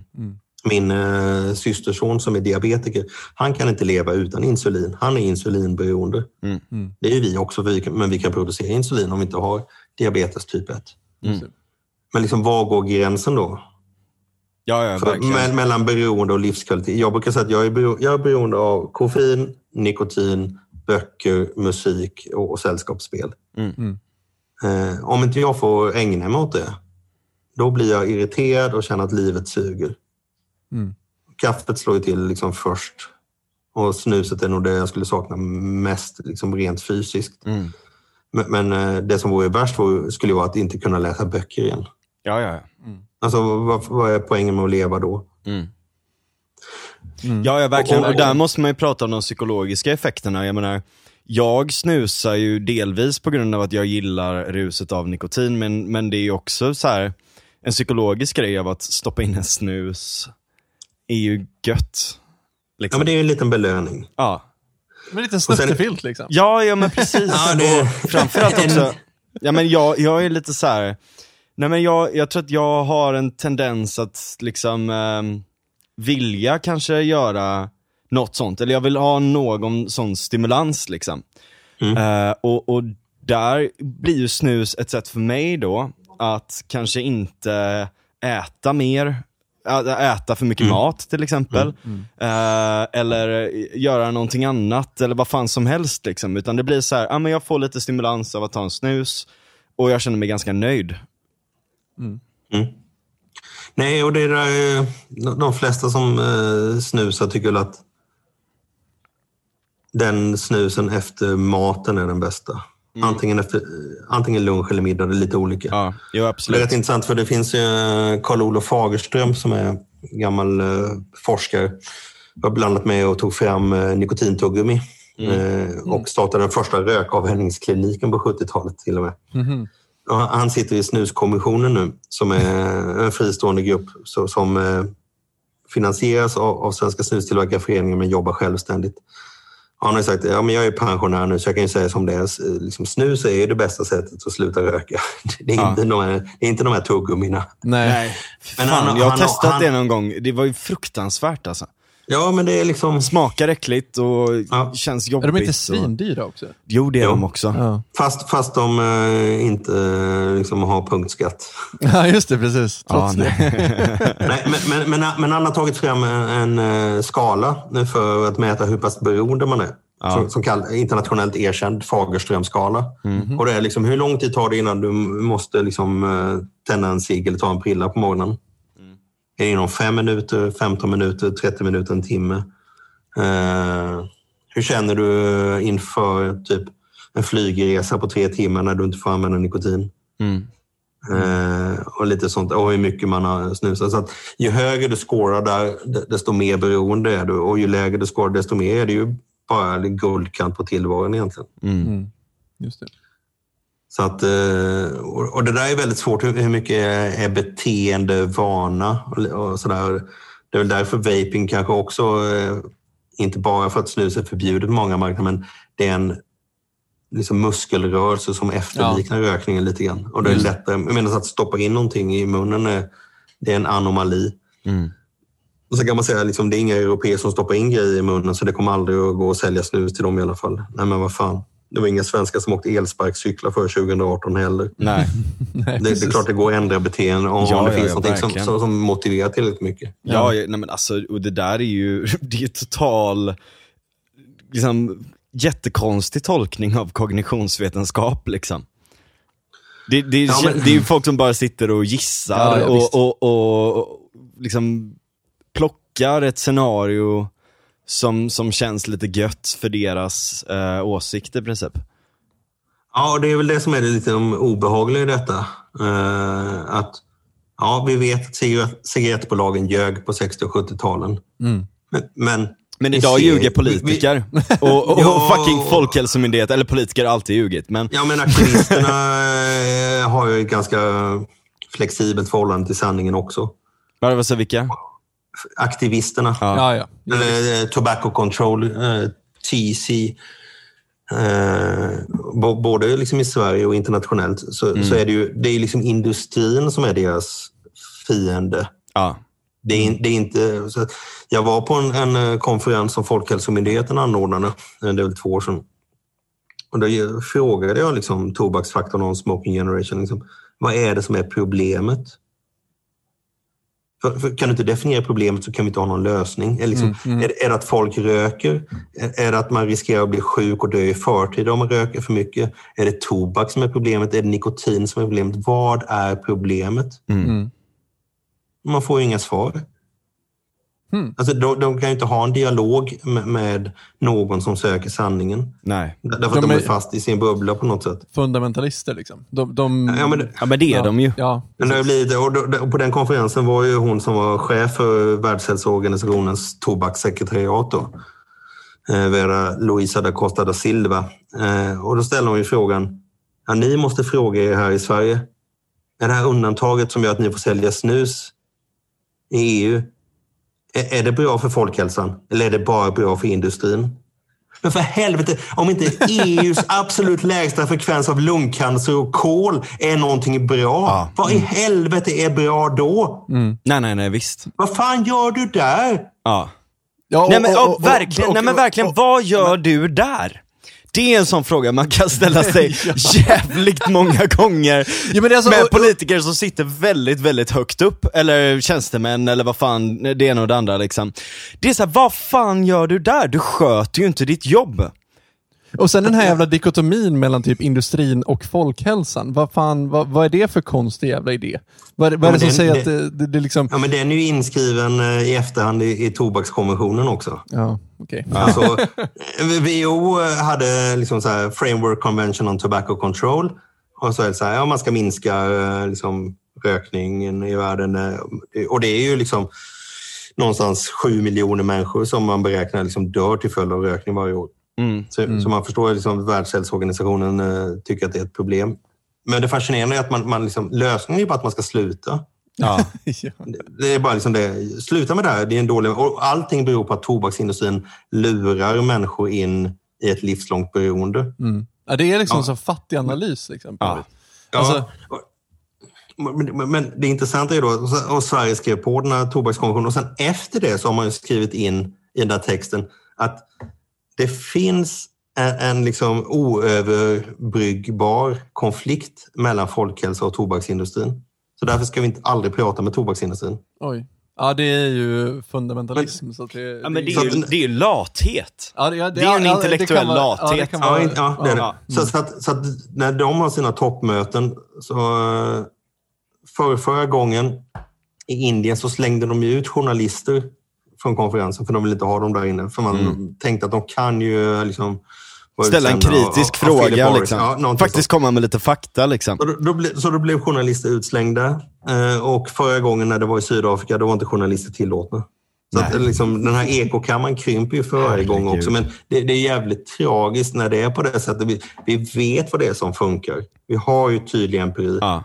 Vi, vi vet att i Sverige röker folk minst i hela EU, enda landet med snus. Ah, ja. Vi vet att i Norge där snus är tillåtet, där är rökningen icke-existerande bland unga. Vi vet att i Storbritannien där man har sagt att kan du inte sluta röka på annat sätt, testa den här produkten istället. Ja. Där har, det, har andelen rökare minskat mest i hela EU de senaste fem åren. Det. Precis, alla vad lä- är det som alla, Alla funkar länder som liksom? bara Ja. kör med skattehöjningar och vill inskränka tryckfriheten och liksom, eh, eh, expropriera varumärken. Ja. De, har, de länderna har inte lyckats lika bra. Nej, men kan, det, ju kan, det, kan det vara en grej att, att politiker gärna vill vara de som löser problem och att när de ser att, alltså, eh, de vågar inte riktigt göra den här avvägningen med att säga, okej, men snus kanske är en, är en bättre sak för folk att hålla på med än, än cigg. Men eftersom det inte är staten som producerar snus så ser man det som ett problem för att de vill komma med lösningen på problemet. Mm. Eh, Jo, det, det, det är en ju konspiratorisk tanke kanske, men eh, Nja, nej, nej, nej, men det är klart att det, eh, om en politiker står mellan valet att aktivt fatta ett beslut som löser ett problem och att avstå från någonting Mm. och problemet blir löst, mm, så, så väljer man ju tyvärr ofta det senare. Det finns ju en anledning till att termen laissez-faire uppstod en gång i tiden. Mm. Liksom när, när det här franska sändebudet från kungen frågade liksom, vad, vad kan vi göra för att hjälpa er i, i, i den här branschen? Mm. Laissez-nous faire. Alltså, låt oss vara i fred så kommer ni hjälpa oss på det bästa sättet. ja exakt. Precis. Och, och, och det är väldigt tydligt på, på det här området också. Mm. Alltså, det är ju ingen jävel som vill ha lungcancer. det, det, är ingen, det är ingen som vill dö i kol. Nej. Sen kan man tycka liksom, sen vet vi också att eh, slutar man röka eh, så återställer ju kroppen sig också. Så Just det. Ja men det är det som jag kände på. Jag hade en sån, när jag är 25 då ska jag sluta heltidsröka. Jag, jag lyckades göra det några år innan. Och då, då är det väl fem år eller något sånt där så är lungorna hyfsat okej igen va? ja, det, det är väl olika från person till person. Men, liksom, mina- men, men, men lagom tills dess att, att eh, liksom lungcancern skulle ha dykt upp Ja, igen. just det. Då är det lugnt. Då är, då är det nog tillbaka på scratch. Så att, det, det är klart att man kan tycka att det, är- att det är ett problem och att det är jobbigt och sådär. Men samtidigt om du då jämför med inomhuseldning och, och dålig ventilation i världen, som Hans Rosling pekar på. Ja, Just det. det. Eh, Det, liksom, det är också någonstans mellan fyra och fem miljoner människor som dör varje Ja, år. ja, ja. Och det är förmodligen liksom färre människor som eldar med komockor inomhus än som röker. Ja, Så att, att den relativa skadligheten av, av det beteendet är, är mycket större. ja, ja, ja visst. Fan, Eh, eh, och, och, och, slut, och slutsatsen av det är ju inte att förbjuda liksom ekogödsel eller pinnar. Nej, exakt. Det måste ju vara att, Precis, att vi ska förbjuda liksom eh, trä typ. Nej, men, men, men det är där liksom tobakskontroll eh, Ja. liksom komplexet befinner sig. Men Så här, alltså jag måste och bara, och- på tal om ja. det liksom, eh, som, som vi var innan där, alltså det här med organisationer som, eh, som inte vill ha fakta. Jag vill bara hugga tag i det innan vi går vidare. Att eh, eh, Peter Moilainen på det här MPC, tror jag de heter. De är ju någon sån eh, organisation som, det- det, för de har misslyckats med alla försök de har gjort att försöka få en organisation som inte är helt galna och börja prata om att typ homosexualitet, eller så här, cannabis leder till homosexualitet och satanism liksom. Eh, Som för övrigt Narkotikapolisförbundet fortfarande samarbetar med liksom. Ja. Mm. Scientologerna. Scientologer, precis liksom. All den här jävla skiten liksom. Och Narkotikapolisförbundet fortsätter arbeta med det. Eh, Peter Moilainen måste jag bara säga då, la upp en sån här, han hade någon julkalender då med massa grejer sådär. Och så la han upp så här, lucka nummer nio. Eh, om, eh, så här, det är ingen idé att vi gör en utredning på skademinimering om, narko- om avkriminalisering. För då kommer folk ändå fortsätta prata om det. Det är så här, Ja. Okej, om vi har fakta på bordet, vi har gjort en utredning, så kommer, det är ju det som är poängen. Då kan vi prata om det, så har vi grejer på, på liksom, alltså då har vi korten på bordet så vi kan diskutera det här demokratiskt. Men han tar upp det som ett problem. Att om vi har det här på bordet, ja, då kanske folk börjar prata om det här liksom. För att eh, travestera Stalin att eh, utredningar är bra, beslut är bättre. Ja, exakt. Ja, det är Nej, och helt, det, ja. nej, men det, och det, Ja. det, det där är, ja, men det är fascinerande Eh, och jag är ganska nyfiken på liksom, ja, men varför är det så? Så att jag har ägnat oproportionerligt mycket av, av både arbetstid och fritid ja. eh, de senaste fem åren då, som jag haft det uppdraget att fundera på varför fortsätter folk att ha fel istället för att ändra sig?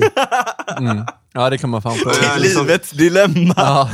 Ja, men jag, har liksom, jag har ju läst Jonathan Haidt och, och Joshua Green och Mikael Klintman. Och Ja. liksom, äh, det här- Ja, är väldigt bra.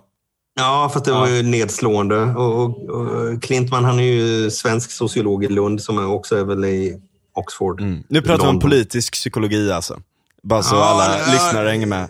Politisk psykologi eller socialpsykologi. Men, Ja. och enligt, enligt Klintman så, så är det ju att, nej men, alltså, det värsta man kan vara eller göra, det är att vara förrädare. Mm. Landsförrädare är det värsta, alltså på riktigt. Ja. Alltså eh, typ sälja ut Sveaborg till ryssen. Det, det finns inget sämre. Eh, och när man då byter åsikt så förråder man ju hela sitt sociala... Man, man bränner Ja, sitt ja, sociala just det. kapital Just på en gång. Och det priset är för högt. Och, Just och då blir det, just det. som någon sa att vetenskapliga framsteg sker en begravning i taget. Ja, Det är liksom...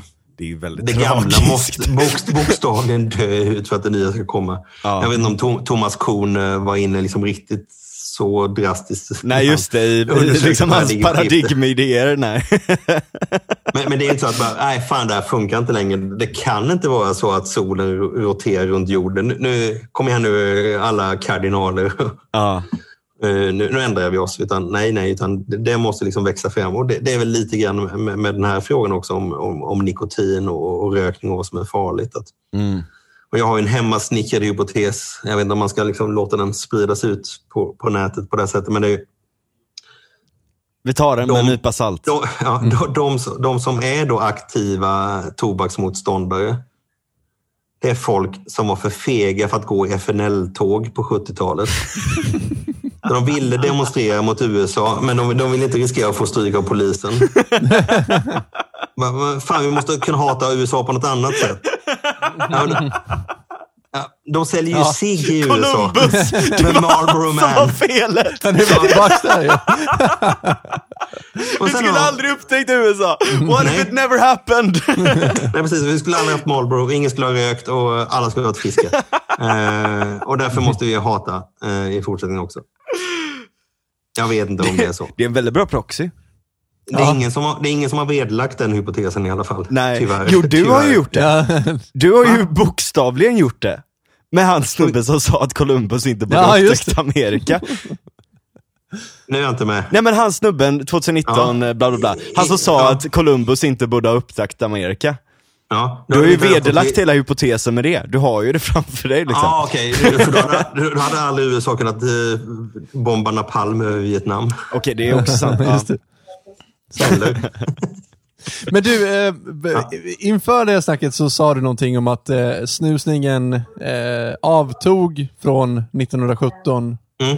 och sen 1970 tror jag det var du sa. Så, Ja, det, ja, ja, på 73 tror jag det vänder. ja, då börjar man snusa igen. Liksom. Mm. Ehm, och jag, jag, jag grubblade på det, för jag, jag hade liksom så här, det måste vara så här. Eh, Ja. Och eh, vet du vem eh, Edward Bernays var? Nope. Känner du igen? Nej, jag känner inte igen det heller. En, här, han är, det, det är Freuds systerson, eh, en amerikan, som en så tidig PR-snubbe. Som eh, jobbade åt bland annat, eh, alltså han har förändrat jättemycket saker i USA som man inte vet om. Det är jätteintressant att läsa hans eh, Wikipedia-sida. Men bland annat så, så är det han som har sålt in den här idén om att så här, the all American breakfast är typ bacon och ägg. Ah, ah. Ah, Den ja. Just det, hur bacon blev stort. Det är ju bara en PR-grej. Ja, ja. Och grejen var, det han gjorde, han jobbade ju med, eh, med amerikanska tobaksbolag. Men, vänta, vänta, vänta. Jag, jag var tvungen att googla honom medan du babblar. Ja. Han blev 103 år gammal. Ja, Asså? ja, ja, visst. Han På dog bacon och ägg? 95, 95 Det är, dog han. det är typ han och Ernst Jünger som är galningarna som blev skitgamla. Myrdal. Men han är också känd för att, eh, för liksom fram till typ 20-talet så, så var det bara män som rökte i USA, mer eller mindre. Eh, vilket tobaksbolagen insåg bara, för så här, fan, vi går ju miste om en, halva marknaden. Kvinnor måste ju börja röka, hur fan ska vi göra det här? Liksom. Eh, och då anställde de eh, Bernays som fick kvinnor att börja röka genom att göra det till en feministisk statement. Att kvinnor som röker är så här, självständiga, tuffa. Ja! Exakt. Men Så det att- har jag hört. Nika har berättat om det. Ja, exakt. Så att den grejen blev liksom, eh, det, det är därifrån det kommer. Att om det är en kvinna som röker idag i en film eller någonting sånt Ja. där, så är hon liksom så här tuff och självständig och lite så här manlig på något vis. Ja. Ehm, och då trodde jag att så här, i, i och med det då så tänkte jag att så här, okej, det kan ha varit så att på 20-talet när filmer började komma och så vidare, så, så produktplacering, vilket han var en jävligt stor eh, liksom, Eh, han började väldigt tidigt med det. Eh, Alltså att man började röka i filmer, vilket gjorde att folk tog efter och började röka mer. Mm. Eh, så då tänkte jag att ah, men det var säkert det som hände runt, eh, ja, men runt ja, på 20-talet, Mm. att svenskar började röka i mer. Och, och jag tänkte att så här, då gick snusningen ner och sen på 70-talet, det var ju precis efter eh, eh, de här um, man, man kunde konstatera mer eller mindre att, eh, att rökning faktiskt var farligt. Det var på 50-60-talet. Mm. Och då kanske svenskar började gå tillbaks mer till snuset Ja. i och med att eh, portionssnuset kom och bla bla. Men jag insåg att jag hade fan helt fel när det kom till den här saken. För jag kollade upp eh, hur rökning har sett ut i Sverige under 1900-talet. Och det stämmer inte alls med min hypotes, utan svenskar började röka jättemycket efter andra världskriget. Det bara Ja. sticker iväg liksom. Så börjar svenskar röka Aha. svinmycket. Och sen har det avtagit sen dess mer eller mindre. Eh, men svenskar röker faktiskt inte, det, det tyckte jag var intressant att se där, att svenskar röker inte och har aldrig rökt lika mycket som jämförbara länder. Alltså, Om du kollar med Danmark, om du kollar med Holland, du kan kolla med eh, Storbritannien, Norge. Alltså det, jag har kollat, ja USA då såklart. Ja. Eh, alla liksom länder som, som man kan jämföra med rent kulturellt, så har vi aldrig rökt lika mycket som, som de länderna. Trots eh, att vi liksom drog iväg och började röka som fan efter kriget. Liksom. Jag, jag måste tillägga där då att det var ju, då rökte man ju cigarr förr i tiden då, innan cigaretter kom. Och det var ju cigaretter då som togs fram som det här feminina alternativet för att de var mycket slimmare och mer feminina och sådär då. Ja, och eftersom man var Freuds eh, systerson så använde Ja, han ju ja, Freuds teorier. Ja, exakt. ja. Precis, ja, det Ja. var en, en kvinnlig... Eh, liksom. Just det, ja men så, så kvinnor, det, det, det cigaretter var ju någonting som lanserades till kvinnor som ett eh, alternativ till eh, eh, cigarrer, för cigarrer var för stora och det var för vulgärt för kvinnor att göra det. Kanske för att det påminner männen om att suga kuk eller något sånt där Ja, liksom. precis. Eh, och att männen kunde suga kuk, det var helt lugnt. Men ibland är Men- cigarr bara en cigarr. Ja, men jag, och då säger jag, då, dåtidens liksom homofobiska, eh, nej men ehm, eh, men, som så, sagt, men sen så blev ju det då, cigaretterna blev ju populära för männen sen för att det var mycket smidigare och enklare och sådär. Mm. Efteråt då. Ja, men det, det är ju helt fel är det ju inte. Alltså, Nej. snus, snus är ju, det är ju bon, eller var ju bonnigt. Det var ju drängar och rallare. Var du urbaniserad jobbade på kontor, ja men då rökte du. Ja. Alltså, det, det var ju stat att kunna ha liksom en hand upptagen. Ja, just det. Eh, lite grann. Men, men men just det här med, med andra världskriget är intressant. För, för nazisterna var ju väldigt mycket emot rökning. Eh, och hade väl forskare som var någonting på spåren om, om eh, lungcancer redan då. Vilket gjorde att det eh, vetenskapliga genombrottet dröjde sen liksom i västvärlden efter kriget. För det, för det var liksom kontaminerat av eh, nazismen. Ja. Men, men, men liksom Norge och Danmark blev ju ockuperat av Nazityskland och Sverige blev det inte. Mm. Så, så i, vart, I vart fall i Norge så var det ju en motståndshandling. Det var ett sätt att visa lojalitet med fosterlandet och inte Ja. ockupationsmakten. Så istället för att gå liksom och liksom ge fingret åt eh, tyska soldater så rökte man en cigg istället för att visa att ah, okej, ni har tagit vårt land. Jag röker Men- bara men- för att jävlas med Hitler. Ja, lite så. Jävlar. Luff har ju den och vi- kampanjen, jag röker bara för att jävlas med Annika Strandhäll. Vilken jävla koppling. Eh, Efter en och en halv timme kom vi in på Godwins lag. Exakt. Otroligt lång tid. Nej, så att, eh, det är precis som du säger, det, det, det var aldrig lika mycket i Sverige. Det har aldrig varit. Eh, nej. Eh, och delvis för att du har liksom en viss residual i, i snuset förmodligen eh, också. Och sen är det då lungcancer och portionssnuset som, som sammanträffar.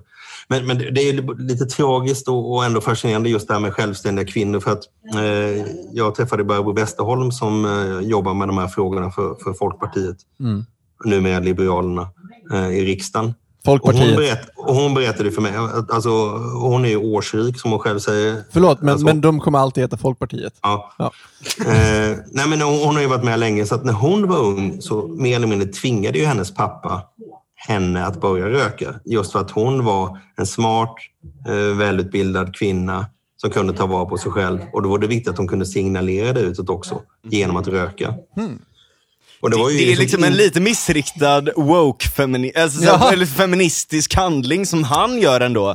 Att liksom så här, du ska ändå... Ja, och var det, det kommer ifrån också är ju en, en typisk sån grej. Så man ska inte lita på alla som kallar sig för feminister alltså. Det, ska, det, det kan man ha Nej, med sig. och jag, menar, och liksom, jag, jag kan ju förstå att hon, eh, liksom tyckte att ja, men det är ju fan traumatiskt. Alltså ens Ja. egen pappa tvingar en att göra någonting som är farligt. Och Johan Eh. Westerholm röker väl som en jävla borstbinne. Det är ju verkligen Vem, Johan Westerholm, vem är det nu? han som har ledarsidan eller vad de heter. Det är Barbros son. Ja, Aha.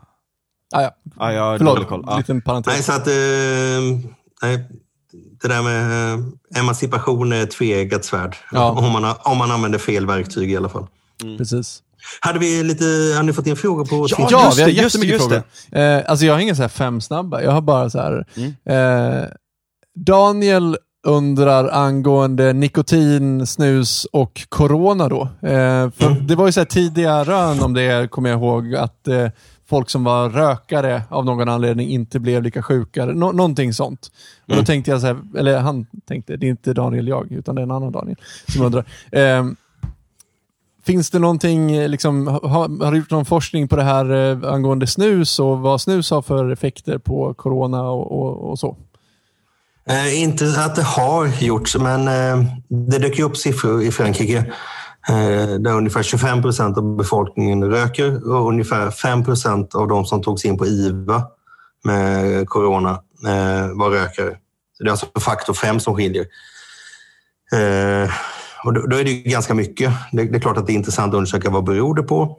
Eh, och en del bortförklaringar har varit att eh, nej men, eh, det är så få i vårdpersonalen som röker eller att eh, de som röker har redan dött innan de har blivit så gamla så att de är risker att hamna på IVA. Eller så kan det vara så att det finns något som faktiskt skyddar. Och eh, Cecilia Magnusson på Karolinska institutet som har forskat om detta, eller forskat om snus, sa att hon skulle eh, titta på det här. Men det är förmodligen för tidigt för att eh, ha kommit till några resultat. Så vi får se vad som händer. Ja. Men, men eh, det, det kan inte uteslutas att eh, det finns eh, någon eh, positiv effekt av rökning eller av nikotin. Men det finns heller ingenting som talar för det. Det är lite sådana här T-cellsdiskussioner, men nej, det är väldigt mycket på hypotesgenererande nivån just nu. Just det. Mm. Ska du ta nästa då? Ja, jag kan ta nästa. Vad hände med Lundgrens förbakade prillor? Den, eh, Bra fråga. eh, den sålde väl inte tillräckligt bra helt enkelt. Ja, marknadsmekanismer helt enkelt. Kreativ Ja. förstörelse. Ja. Ja, precis. Eh, Det är ju det är väldigt mycket så. Eh, Man testar nya saker och eh, det som inte flyger, det kraschar. Mm. Just det. Utan vill, vill du ha liksom en, en riktig prilla, då köper du lösnus och, och Ja. bakar den själv. Det var alltså Annars smidigare Rudolf. Rudolf Ja. Mimder, Mimder, Mindner, Mim, Va? Idner. Han heter det på Aha. Twitter. Jag vet inte vem eh, han refererar till. Jag är för obildad. Rudolf Meidner. Vem är det? Han var LO-ekonom och den som eh, konstruerade löntagarfonderna. Aha. Va? Du har en jävla Åh jävlar. syndikalist som Ja, är ja, ja. Men Rudolf Socialdemokratisk Mim, syndikalist. Mimder, Njedrer. Ja, det kan ju vara ironiskt. Annars har du som sagt närt en socialist i ditt flöde. Ja, Du, exakt. det har jag ett par. Det har inte jag. Det är inte de värsta. Nej. Faktiskt. Fascisterna är värre. Det här är, nästa fråga. Anders undrar, eh, det här är en väldigt rolig fråga. När grov white lanserades, hade den en hint av kokt kräfta i smaken? Var det en slump? Ja, det var en slump. Det var ingen tanke som fanns där att det så här, snus Jag kräva vet. dessa. Det är lite såhär, kräfta och kräva dessa drycker. Man tänker liksom, kräfta, kommer ner med alkohol. När folk Nej. dricker så kommer de vilja ha en. Det enda Jag har kräfta det orsakar. Jag har aldrig hört det, men jag, jag vet att... Är det bekräftat? Nej. Aha. Nej, men eh, jag vet att Swedish Match eh, har ju så här master blenders eh, som försöker få varje batch eh, att smaka likadant, att det är jämn hög kvalitet. Eh, och det är lite svårt för det är inte samma tobak varje gång utan det är en ny tobak och det är olika temperaturer. Ja. Mm. Eh, Men de kan ju också smaksätta på väldigt må- många olika sätt. jag har aldrig hört det här innan och jag känner inte till det, men jag får kolla upp det här. Det är jättespännande. Jag måste bara Men- fråga snabbt där, hur smaksätter man snus? Alltså lägger man ner grejer i det? För öl, alltså humle och sånt, om du gör en IPA Mm. till exempel, då är det ju humlen som får typ en passionsfruktsmak eller något sånt där. Ja, ja. Men i, i snusets fall, lägger man ner typ lite rabarber i det liksom, eller? Ja, det är ju eh, livsmedelstillsatser, godkända sådana. Ja, det är så ja. ja. Så att det är, det är labbgrejer Ja. eh, egentligen hela vägen. Eh, Från början var det ju eh, liksom naturliga aromer. eh, Naturligtvis. Alltså, när, Boman gjorde generalsnuset 1866, då, då var det ju bergamott i. ja. Alltså äkta. Och det är ju rätt fascinerande eftersom General har bergamott och Earl Grey-te är också bergamott som är en Ah, citrusfrukt. Och lan- eller gavs ju som en gåva då eh, till just Lord Grey. Eh, 1830 någon gång tror jag. Okej. Så liksom tre- 30 år senare så smaksätter man snus med det. här, Men för, för en svensk snusare idag så smakar General bara ja, men General, ett gött snus. Ungefär som Ja. Earl Grey för en tedrickare förmodligen smakar. Det är ett gott te helt ja. enkelt. Det är ganska Och så basic det- liksom. Och rapé är ju egentligen liksom ett franskt ord för att riva, det vill säga hur man rev tobaken. Mm. Men idag har ju det blivit förknippat med liksom smaken av, av enbär och lavendel. Och Göteborg.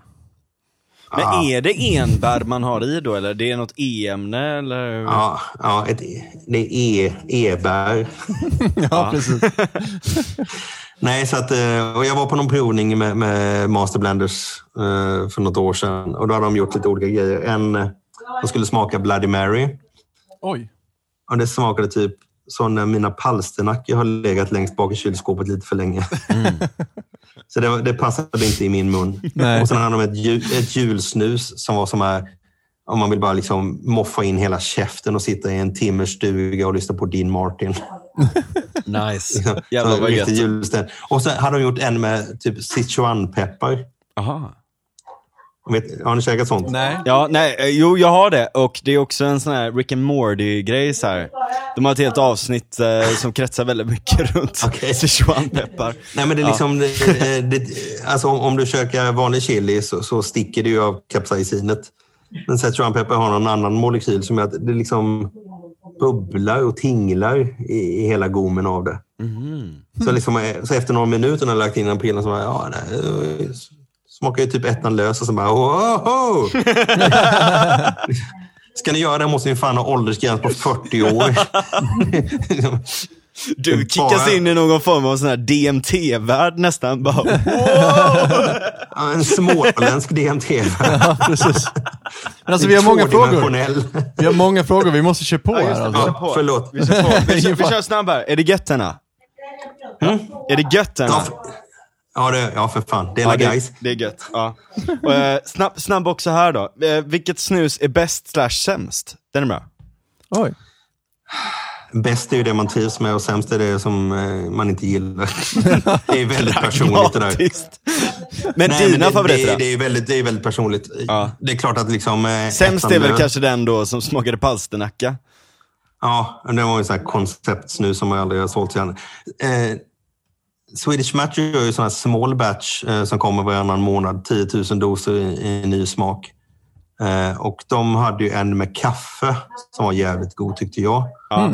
Och sen gången efter tror jag det var, eh, så hade de en som heter Skog. Mm. Och den, den, för mig, det, alltså, jag hade kompisar som tyckte ja, den var helt fantastisk. Det var den bästa någonsin. Och för mig var den bara typ så här rutten svamp och blöt mossa och eh, liksom, kompassen har slutat fungera och man hör, vild, man hör vildsvinen grymta. Men jag har, liksom, jag har ju varit ute i skog på riktigt. Så att, Ja, eh. Nej, jag vet inte. Precis, det är någon sån här storstadssubstitut bara liksom. Nej, an- an- annars kan man säga alltså svensk snus generellt eh, det håller ju väldigt bra kvalitet. Och, Ja. ja. liksom, jag skulle säga lagom mix av, eh, utveckling och nya idéer och att man håller fast vid klassikerna. Då tar jag en snabb fråga på det också. Mm. Amerikansk snus, är det, Det kulturell appropriation? ja, precis. Eh, både och. Alltså, det var ju mycket eh, liksom, em- emigranter från Skandinavien som hamnade där i USA 1800 och tog med sig den här vanan.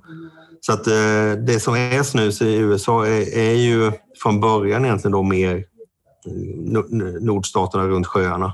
Chicago, Minnesota och sådär. Men du har ju också tuggtobak eh, där man liksom tuggar och spottar och, och där då liksom jäser det i, i melass så att det blir sött och så får du förmodligen också rätt mycket av de här dåliga ämnena man inte vill ha. Ja, ja, ja. Jag vet inte hur karies och tuggtobak eh, av eh, sydstatskaraktär är förknippat men, men svenskt snus har ju högt pH och skyddar mot karies. Just så att, eh, Ja, det är så. nej, så att, eh, och jag älskar ju kulturell appropriering. Ja, jag Alltså, med. Det, det, Och jag tänkte att det här är ju svensk kulturimperialism. Ja, du tänker Det är så. skitbra. Det är, jag tycker att vi ska ta Ja. över hela världen med det här. Ja. Ja, men det, jag menar alltså, det, är, det är Ikea och snus. Det är på det sättet. Nästa fråga. Mm. Axel undrar, hur blir det med CBD-snus? Jag vet inte riktigt vad han menar Jag har med det. testat det. Jaha, det det är finns det. skitgött. Ja. Det finns Ja, det är Nej, det, det, jag vet inte om det, hur, hur liksom... Ska man bara eh, förklara snabbt vad CBD är för någonting? CBD, cannabinoider, alltså i eh, cannabis eh, så har du, eh, kan man säga, två stycken sorters eh, olika aktiva ämnen. Det ena är THC som är kanske det mer starkare, boo, liksom, eh, som gör dig riktigt bäng så att säga. Eh, vad sa du? Hög, hög. ja precis. Ehm, CBD blir du väl låg av? Ja, alltså CBD är Lugn. väldigt mycket mer komplext för att eh, du har ett endokannabinoidt uh, system i hjärnan. Så att, alltså, då går vi in på typ neuros, liksom neurokemi i princip. Uh, Är vi inne på dina jävla apor som tuggar svamp nu igen? Ja, ja. Stoned Ape Theory, jag la upp en bild på det idag, såg Ja, jag såg den. Ja, Jag såg den. jag såg det. Älskar den teorin, jag vill att det ska Det- vara sant. Det är svårt att motbevisa den, tänker jag. Ja, eller liksom så här, precis. Bevisa att jag har fel. Ja, falsifikation. Men nu, nu gled vi ifrån frågan här. Hur blir Ja, det med eh, CBD? just det. Eh, och cannabinoider är mer komplexa och har en del egenskaper. Det kan vara så här, eh, antipsykotiskt eh, och eh, det kan dämpa ångest och det kan göra det ena och det andra och det tredje. Det är mer komplext och det spelar på ett väldigt mycket mer komplext system i hjärnan. Eh, vi kan säga så kort och koncist då, eh, men en ganska intressant effekt av det är att det, ja, men så här, det kan vara ångestdämpande till exempel. Det kan faktiskt lindra endometrios. Feministiskt.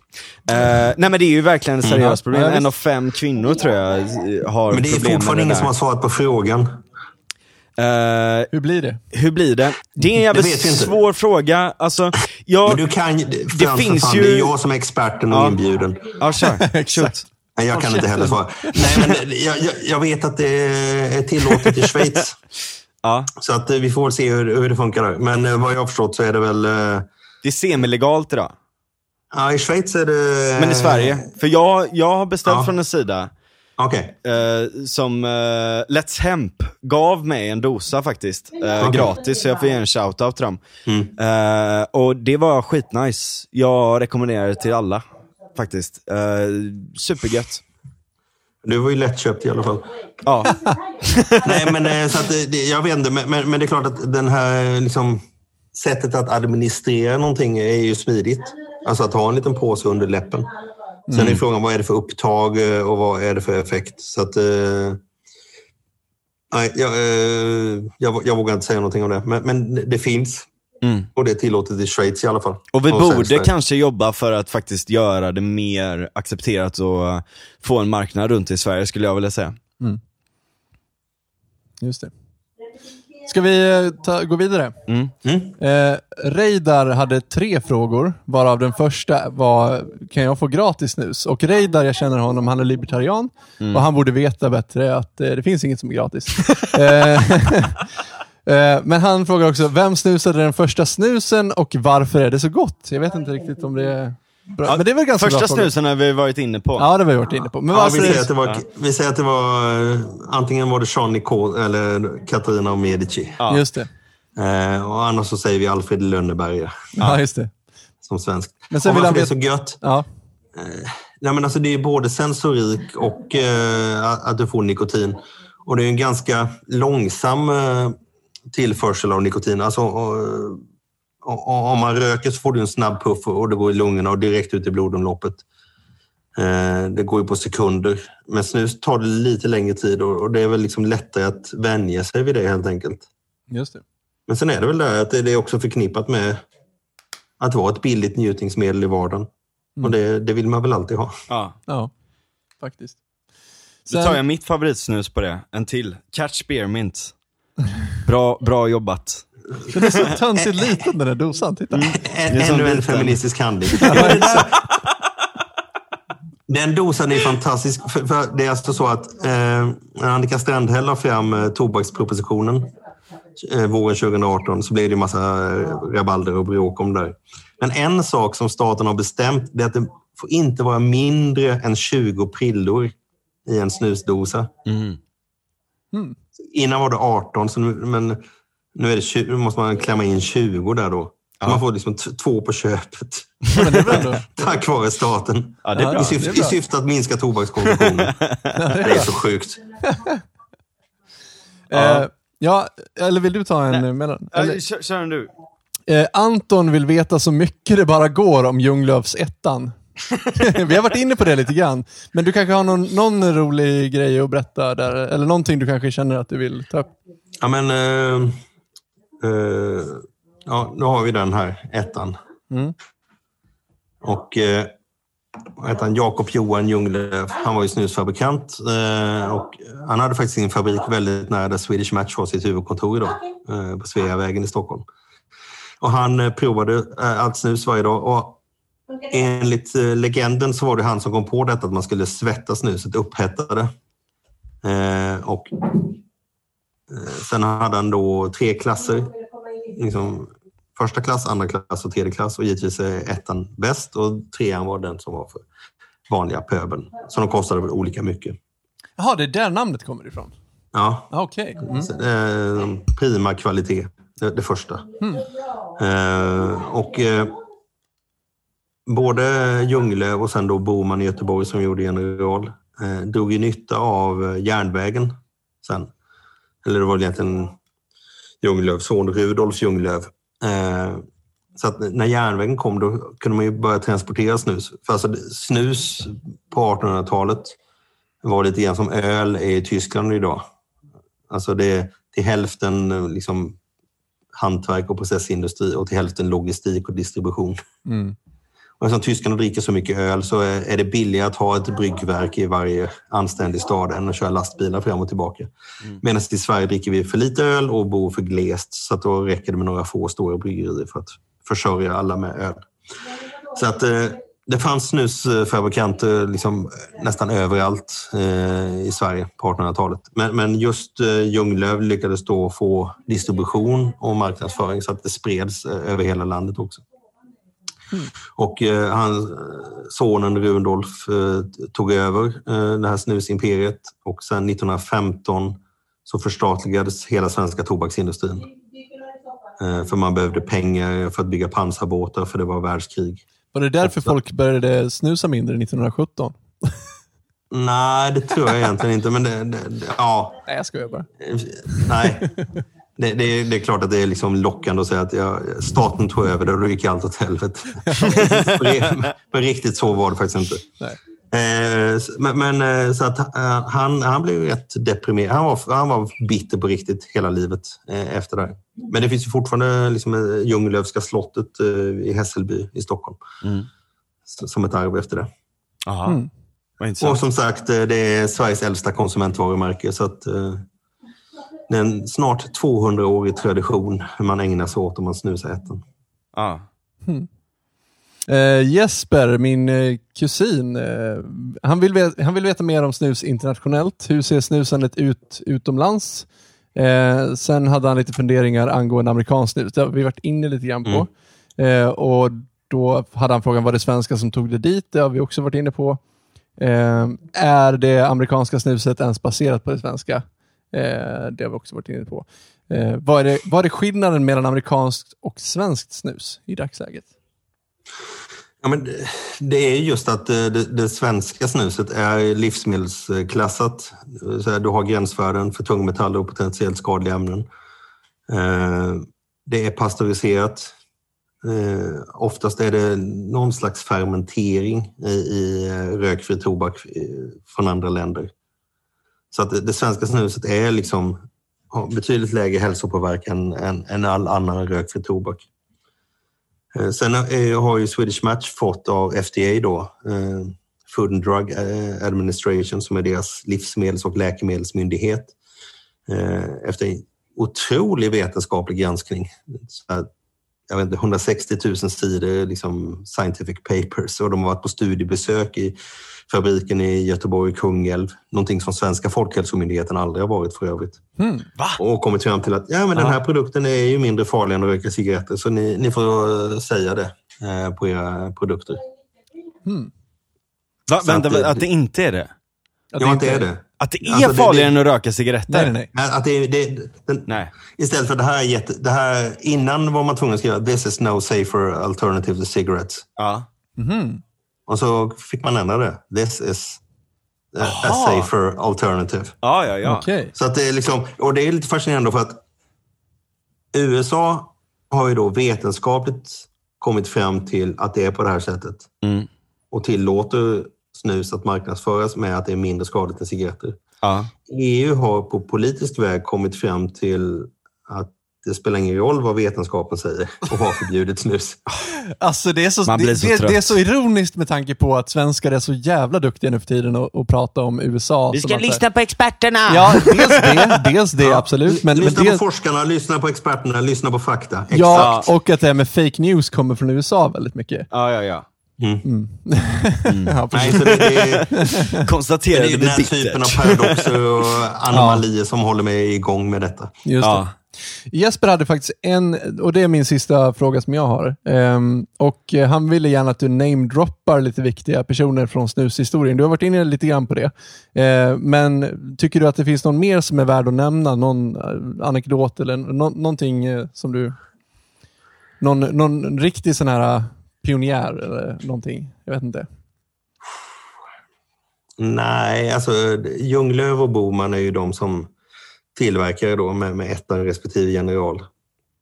Eh, så, som var entreprenörer och, by, och byggde upp detta.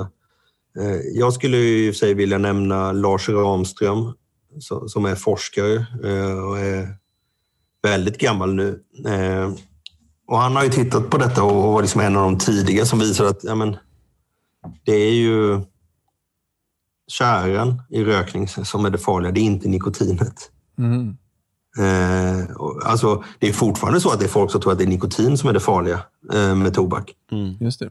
Eh, men det är ju den substansen som gör att man vill fortsätta med vanan, men det är inte den som gör att du eh, riskerar att dö i förtid. Så Lars Ramström är, är en fantastisk person som är liksom intellektuellt hedlig och, och noggrann och, och fortfarande närmar sig 90 och är nyfiken. Så att, eh, han hade faktiskt gått igenom eh, så här, europeiska dödlighetsregistret i EU och tagit fram de här siffrorna på olika cancerformer och på kol, på hjärtinfarkt och kunnat visa då att eh, svenska män är friskast i EU. Och det enda som skiljer mellan... Och svenska kvinnor är inte friskast i EU, de ligger sämre till än snittet. Och vad är det som skiljer mellan svenska män och svenska kvinnor? Ja, det är väl att svenska män snusar, tänker jag. Ja. För föda, föda barn gör ju kvinnor i andra länder också, så att det, det kan inte vara det som gör att man får lungcancer. Nej. Eh, men men, men, men det, det har ju varit en, en liksom könskodad eh, vana att snusa. Just Det det. har ans, ansetts okvinnligt. Så att, vi får väl se här nu. eh, Är det någonting som gott som, som, som kommer ut av rökförbudet så är det väl just detta att fler tjejer tycker att det är okej att lägga in en prilla och därigenom drar de inte ner kära i lungorna. Sen, sen när liksom motiver... Jag hade ju helst tyckt att det bästa hade varit om de hade kommit på det här själva och att liksom normerna hade förändrats nerifrån och upp. Nu gör de ju det i samspel med, med den politiska regleringen. Men nu är det Men- men- 20-tal igen, så att du kan bli en ny Bernays här och eh, marknadsföra till kvinnor. Exakt. Ja men, alltså det, det- ja, men, ja, men är det inte lite så... eh, Jag vet inte vad ni tycker eh, och, och vad era liksom, sambosar eh, anser. Och, använder de nikotin på något sätt? Ja, ja, ja, ja absolut. För- inte så mycket. jag- jag- men men jag alltså, jag- min, min sambo, eh, både, hon, hon- feströker eh, och eh, snusar ibland. Men hon får en väldigt, väldigt så här, söt snusläpp av det. Ja. Jag tycker det är skitgulligt. Ja. men, Nej, men det- eh, men jag kan jag tänka mig, det är- alltså, då är det väl det här då, catch. Eller du vet sådana här, såna här små liksom. Det är väl de, det, det kanske kan, kan liksom mota då eh, den här snusläppen som vissa kanske anser är okvinnligt sådär liksom. Eh, Nej, Jag, jag, jag tycker, ju, och det kanske är en yrkesskada, men jag, jag tycker verkligen att det symboliserar just det som rökningen sades symbolisera för hundra år sedan.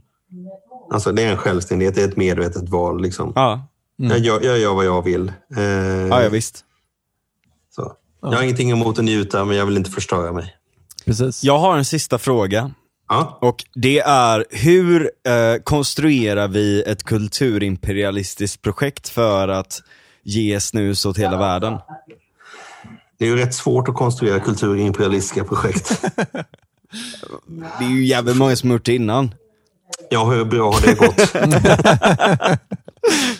Nej, men det, alltså, jag skulle säga frihet och spontan ordning skulle nog eh, kunna liksom, vara bärande element i det. Alltså, Ja.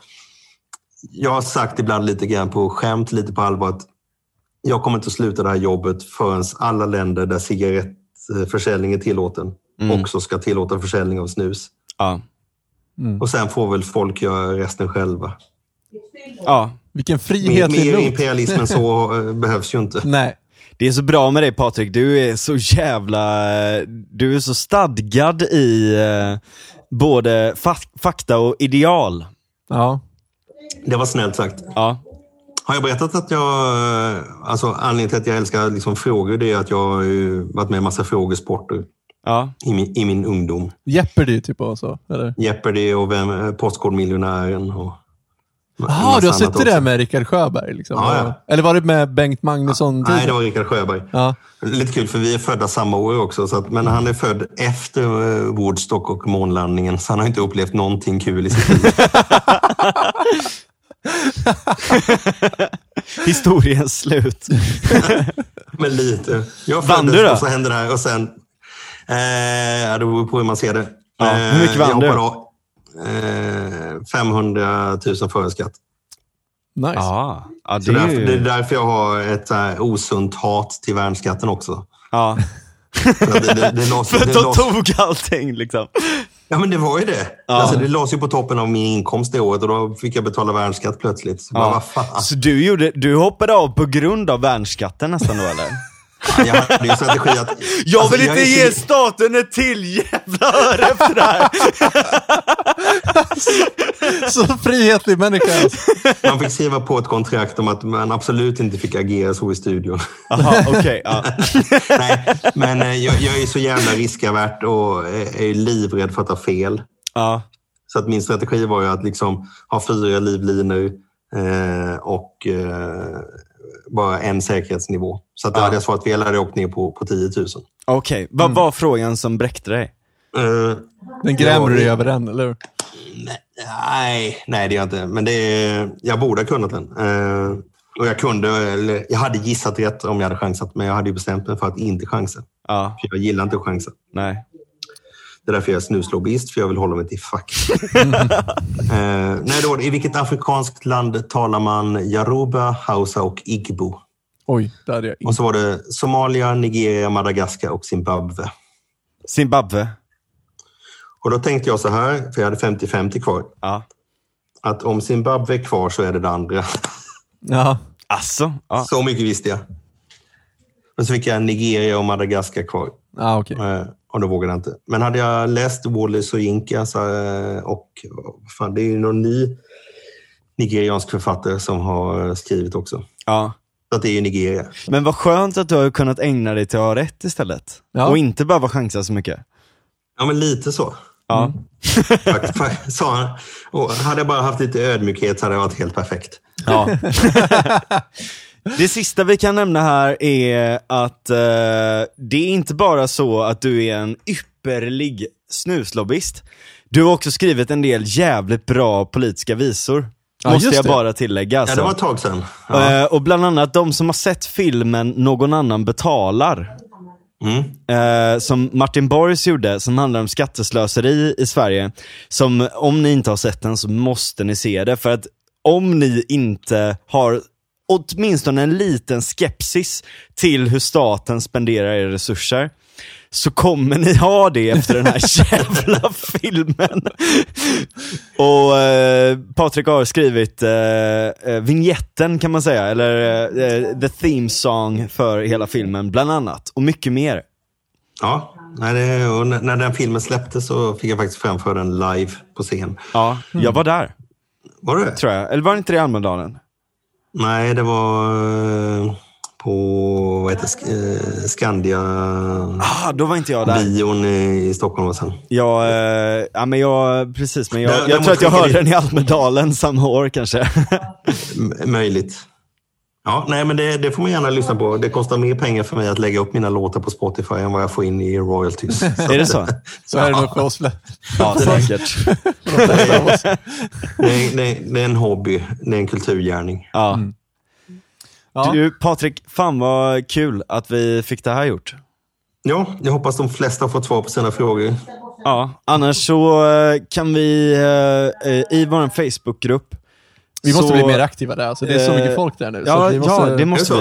det Eh, så Ja. vi, vi gör så här, när vi lägger upp det här så eh, har vi en... eh, Det sa vi förra ett avsnittet litet också. snack. Ja men jo, det är sant, det gjorde vi kanske. Vi måste göra det först då. Ja. Okej. ja men absolut. När vi lägger... Vi lovar att bli mer jag har ju aktiva. en anekdot till. Ah, Ja, kör. ja, kör. Shoot. Ja, Sista. Nej, men vi, vi fick erbjudande. alltså, jag kallas ju snuslobbyist. Formellt är det generalsekreterare i Svenska Snustillverkarföreningen. Ja. Som då består av Swedish Match. Snuskingen. Jag, jag, jag var nära på att skriva det på Twitter, men det blir Snuskingen. Det blir inte så jävla bra. Ja. Nej, eller, eller kanske. eh, nej, så det, det, det blir puritanskt. ja, verkligen. Det är det som är problemet. Ja. Nej, så det är Swedish Match, Skruv och Gotlandssnus som är medlemsföretag eh, i föreningen just nu. Och då fick vi ett erbjudande att vara på Centerns partistämma eh, förra hösten. Mm. Och ställa ut där och liksom berätta lite grann. Eh, Så gjorde vi det och så kommer kommunalrådet från Haparanda fram. Jaha. Ni vill att snus ska vara tillåtet i hela EU, va? Eh, Ja, vi tycker att det är diskriminerande eh, att eh, den enda produkten som är livsmedelsreglerad är den enda tobaksprodukten som EU har förbjudit. Det är vansinne. Jo, jag, jag håller med dig i princip, men du får tänka på en sak. Om blir, blir det förbjudet i EU, då, då blir det förbjudet i Finland. Och då tappar vi 600 miljoner i omsättning här i Haparanda.